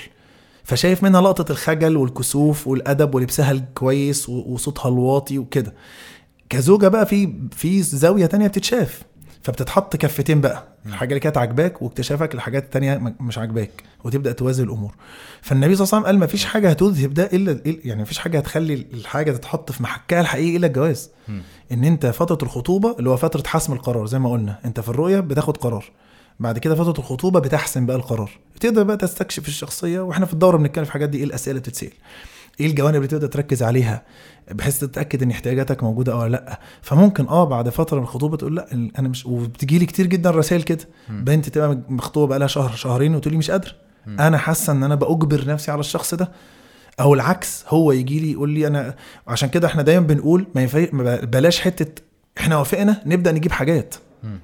يعني دي أكبر غلطة خلاص إحنا وافقنا يلا نتفق. آه اتفقوا. مين اللي عليه الأوضة ومين السفرة ومين الصالون ومين النيش ومين الحاجات دي كلها. اتفقوا. مم. بس ما تشتروش دلوقتي. لحد ما تحسموا القرار. احسموا القرار إن خلاص حسب بقى ما تاخدوا وقت. ممكن تاخدوا شهر في حسم القرار. ممكن شخص أنا عارفاه من زمان ابن خالتي ولا ابن عمي عارفاه فشايفاه مش هحتاج وقت طويل يعني إن أنت قصدك. ان ان أنت قصدك إنك بيبقى عندك فرصة كبيرة إن أنت تقعد مع البنت أو إن أنت تقعدي معاه آه. مش ملزم بعدد جلسات معينة خالص. ولا وقت آه أنت مش هتشوفها. حاجة. آه أنت هتشوفها عشان تقدر تقرر عجبتك ولا لأ. لكن مجرد ما أنت بتاخد القرار وانطباعك عنها إن خلاص أوكي بتبدأ بقى إيه؟ يعني الشرع بيخلينا دايما نركز على المفيد اللي هيفيدنا في اللي جاي. هتفضلوا تعوموا وتسبحوا في المشاعر والرومانسية هتيجي تصطدموا بصخرة الواقع بعد كده هتلاقوا الدنيا كانت رغاوي. الشرع بيقول لك أنا عارف إن أنت مستعجل تقول وتسمع بس أرجوك ركز. هتقول وتسمع كتير بعد كده؟ والله هتقول وهتسمع زي ما أنت عايز بس ركز في المهم ركز في المفيد ركز في اللي أنتوا هتحتاجوه بعد كده. وده إحنا دايما بنكرره. ركزوا جدا في فترة الخطوبة على الجانب العقلي مش الجانب العاطفي. الناس بتبقى مخطوبة بتك... هن- هنسمي عيالنا إيه؟ يا عم ما هتسموا والله هتيجوا هتسموا.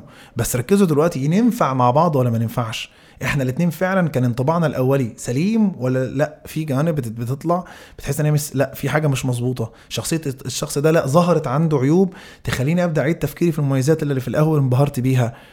فالشرع بيحط فلاتر فاهم؟ بيحط فلاتر. مظبوط. فلتر الايه آه فلتر السؤال فلتر الكفاءة فلتر ال- ال- ال- المشورة فلتر الاستخارة فلتر الرؤية فلتر في الخطوبة. كل دي فلاتر بتخلي عندك إيه؟ تسقط منها حاجات. عشان توصل في النهايه لمرحلة حسم القرار بقى لأ إحنا خلاص okay هنكتب الكتاب ونجيب حاجاتنا. فهي الفكرة كده فكرة إن أنت لم يرى المتحبين مثل النكاح يعني مفيش طريق تاني غير إنك تتجوزه. بتحبها؟ اتجوزها. عاجبك؟ اتجوزيه. أي سبيل غير كده طب أنا عايز أرطب على قلبي كده بحيث إن أنا ما أحسش إن أنا بعيدة أنا مش قادر أتقبل فكرة إن إحنا نبعد عن بعض فنوجد أي صيغة تهون عليا الموضوع ده كل ده ما هو إلا بذرة الشيطان هي هينبتها في يوم من الأيام. بس ف و- آه وقنبلة موقوته موقوتة تنفجر بعد كده برضو عادي يعني. أكيد أكيد أي حد هيسيب باب متوارب الشيطان مش هيسيبه الشيطان ممكن لما بيلاقي شيطان ذكي الشيطان ذكي جدا جدا. وبيتعامل مع زي ما قلنا أنماط بشرية كتير جدا فهو عارف إن إيه لما يلاقيك داخل زي القطر ومش قادر يقف في وشك يقول لك خلاص يا عم سيبها يعني أنت مش لازم تقطع كل الحبال سيب ده مش ممكن تحتاج لها مش ممكن مش عارف صح. إيه مش ممكن إيه فهو مش مستعجل سيب الباب ده في يوم من الأيام هتلف الأيام وهتدور وهيلجئك ليه تاني وهتكون الموضوع رجعته أقوى من أول بقى مشتاقين لبعض وبقالكم كتير مش عارف إيه. ياما الناس بتجيلي كده سوا بعض بالثلاث أربع خمس وثمان شهور والشيطان يلعب في دماغها. طب ما تشوفي دلوقتي هو عامل إيه؟ طب أصل انت قريتي على طبعا. الصفحة بتاعته مثلا كلمة طبعا. آه، مامته ماتت مثلا بقاء الله يا أمي. طب عيب برضه لازم تعزيه في مامته برضه ما يبقاش للدرجة دي انت مش هتحبي فيه. يعني أنت هتقولي بس البقاء لله فاهم؟ لازم هيستثمر. البقعة دي من الظلام عشان يكبرها ويخليها تبلعك بعد كده. لا حسم المسائل دي إما زواج وإما لا شيء. ماشي. جزاكم الله خيرا انت الكورس بتاعك جاي خططته ولا لسه؟ يعني لا والله للأسف لسه, لسه؟ لا لسه خالص. وأنا في دماغي حاليا لأن أنت عارف نقلتي بتبقى صعبة شوية. يعني أنا عشان أجي باجي مخصوص من السعودية لمصر عشان أعمل الكورس ده. فلسه مش عارف يعني لسه هعمل feedback على على ال course ده إيه ال- إيه ال- إيه الكويس إيه اللي مش كويس إيه الكذا مدى تقبل الناس مدى. فأنا حاطط في دماغي إن ممكن يكون حاجة في الصيف بس لسه ما ما أكدتش قوي يعني. واكيد طبعا الناس لو طبعت الصفحة هتلاقي إن أنا على طول بنزل كل حاجة على الصفحة اول باول يعني. حلو جدا. آه، تابعوا الشيخ أحمد الباز. آه، hashtag coach شيخ. coach ده الناس اللي طلعتها شيخ. والله. الناس طلعت coach شيخ بس هي بطل... يعني مش مش مخليها كحاجه رسمية يعني بس أنا ب... الناس عجبتها كده coach شيخ coach شيخ فقلت لهم coach شيخ coach شيخ يعني. nice. الله يبارك فيك. تابعوا coach شيخ أحمد الباز. هحط لكم ال links بتاعته إن شاء الله في ال- في الأماكن اللي أنتوا يعني سواء اللي بيسمع أو اللي بيشوف ال- البودكاست دوت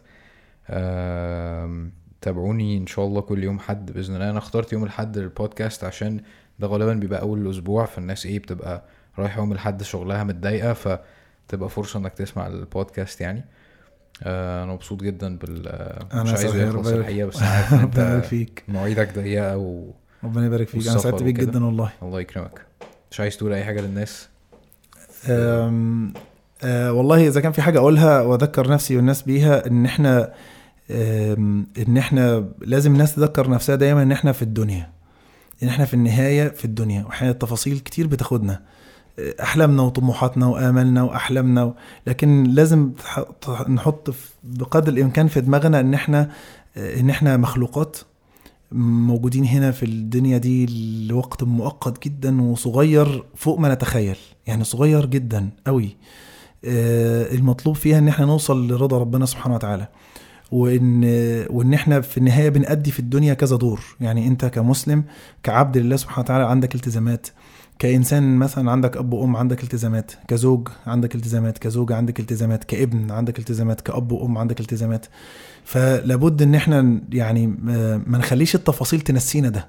إن إحنا في النهاية هنموت وفي النهاية هنبعث وفي النهاية هنحاسب وفي النهاية كل اللي إحنا بنعمله ده ما هو إلا بن بنكتب صحائفنا بإيدينا. وإن الحياة فيها من الصعوبات الكتير. يعني الحياة فيها صعوبات وتحديات كتير فبلاش إحنا نصعب فيها حاجات. يعني يعني هي أصلا صعبة لوحدها. فبلاش إن إحنا إيه نخترع نجود بقى في صعوبات جديدة. يعني هي لوحدها فيها تحدياتها وفيها صعوباتها. فكل ما نقدر نهون حاجات هونوها. جزاكم الله خير. جزاكم الله خير. ربنا يبارك فيك. سبحانك اللهم وبحمدك أشهد أن لا إله إلا أنت أستغفرك ونتوب إليك.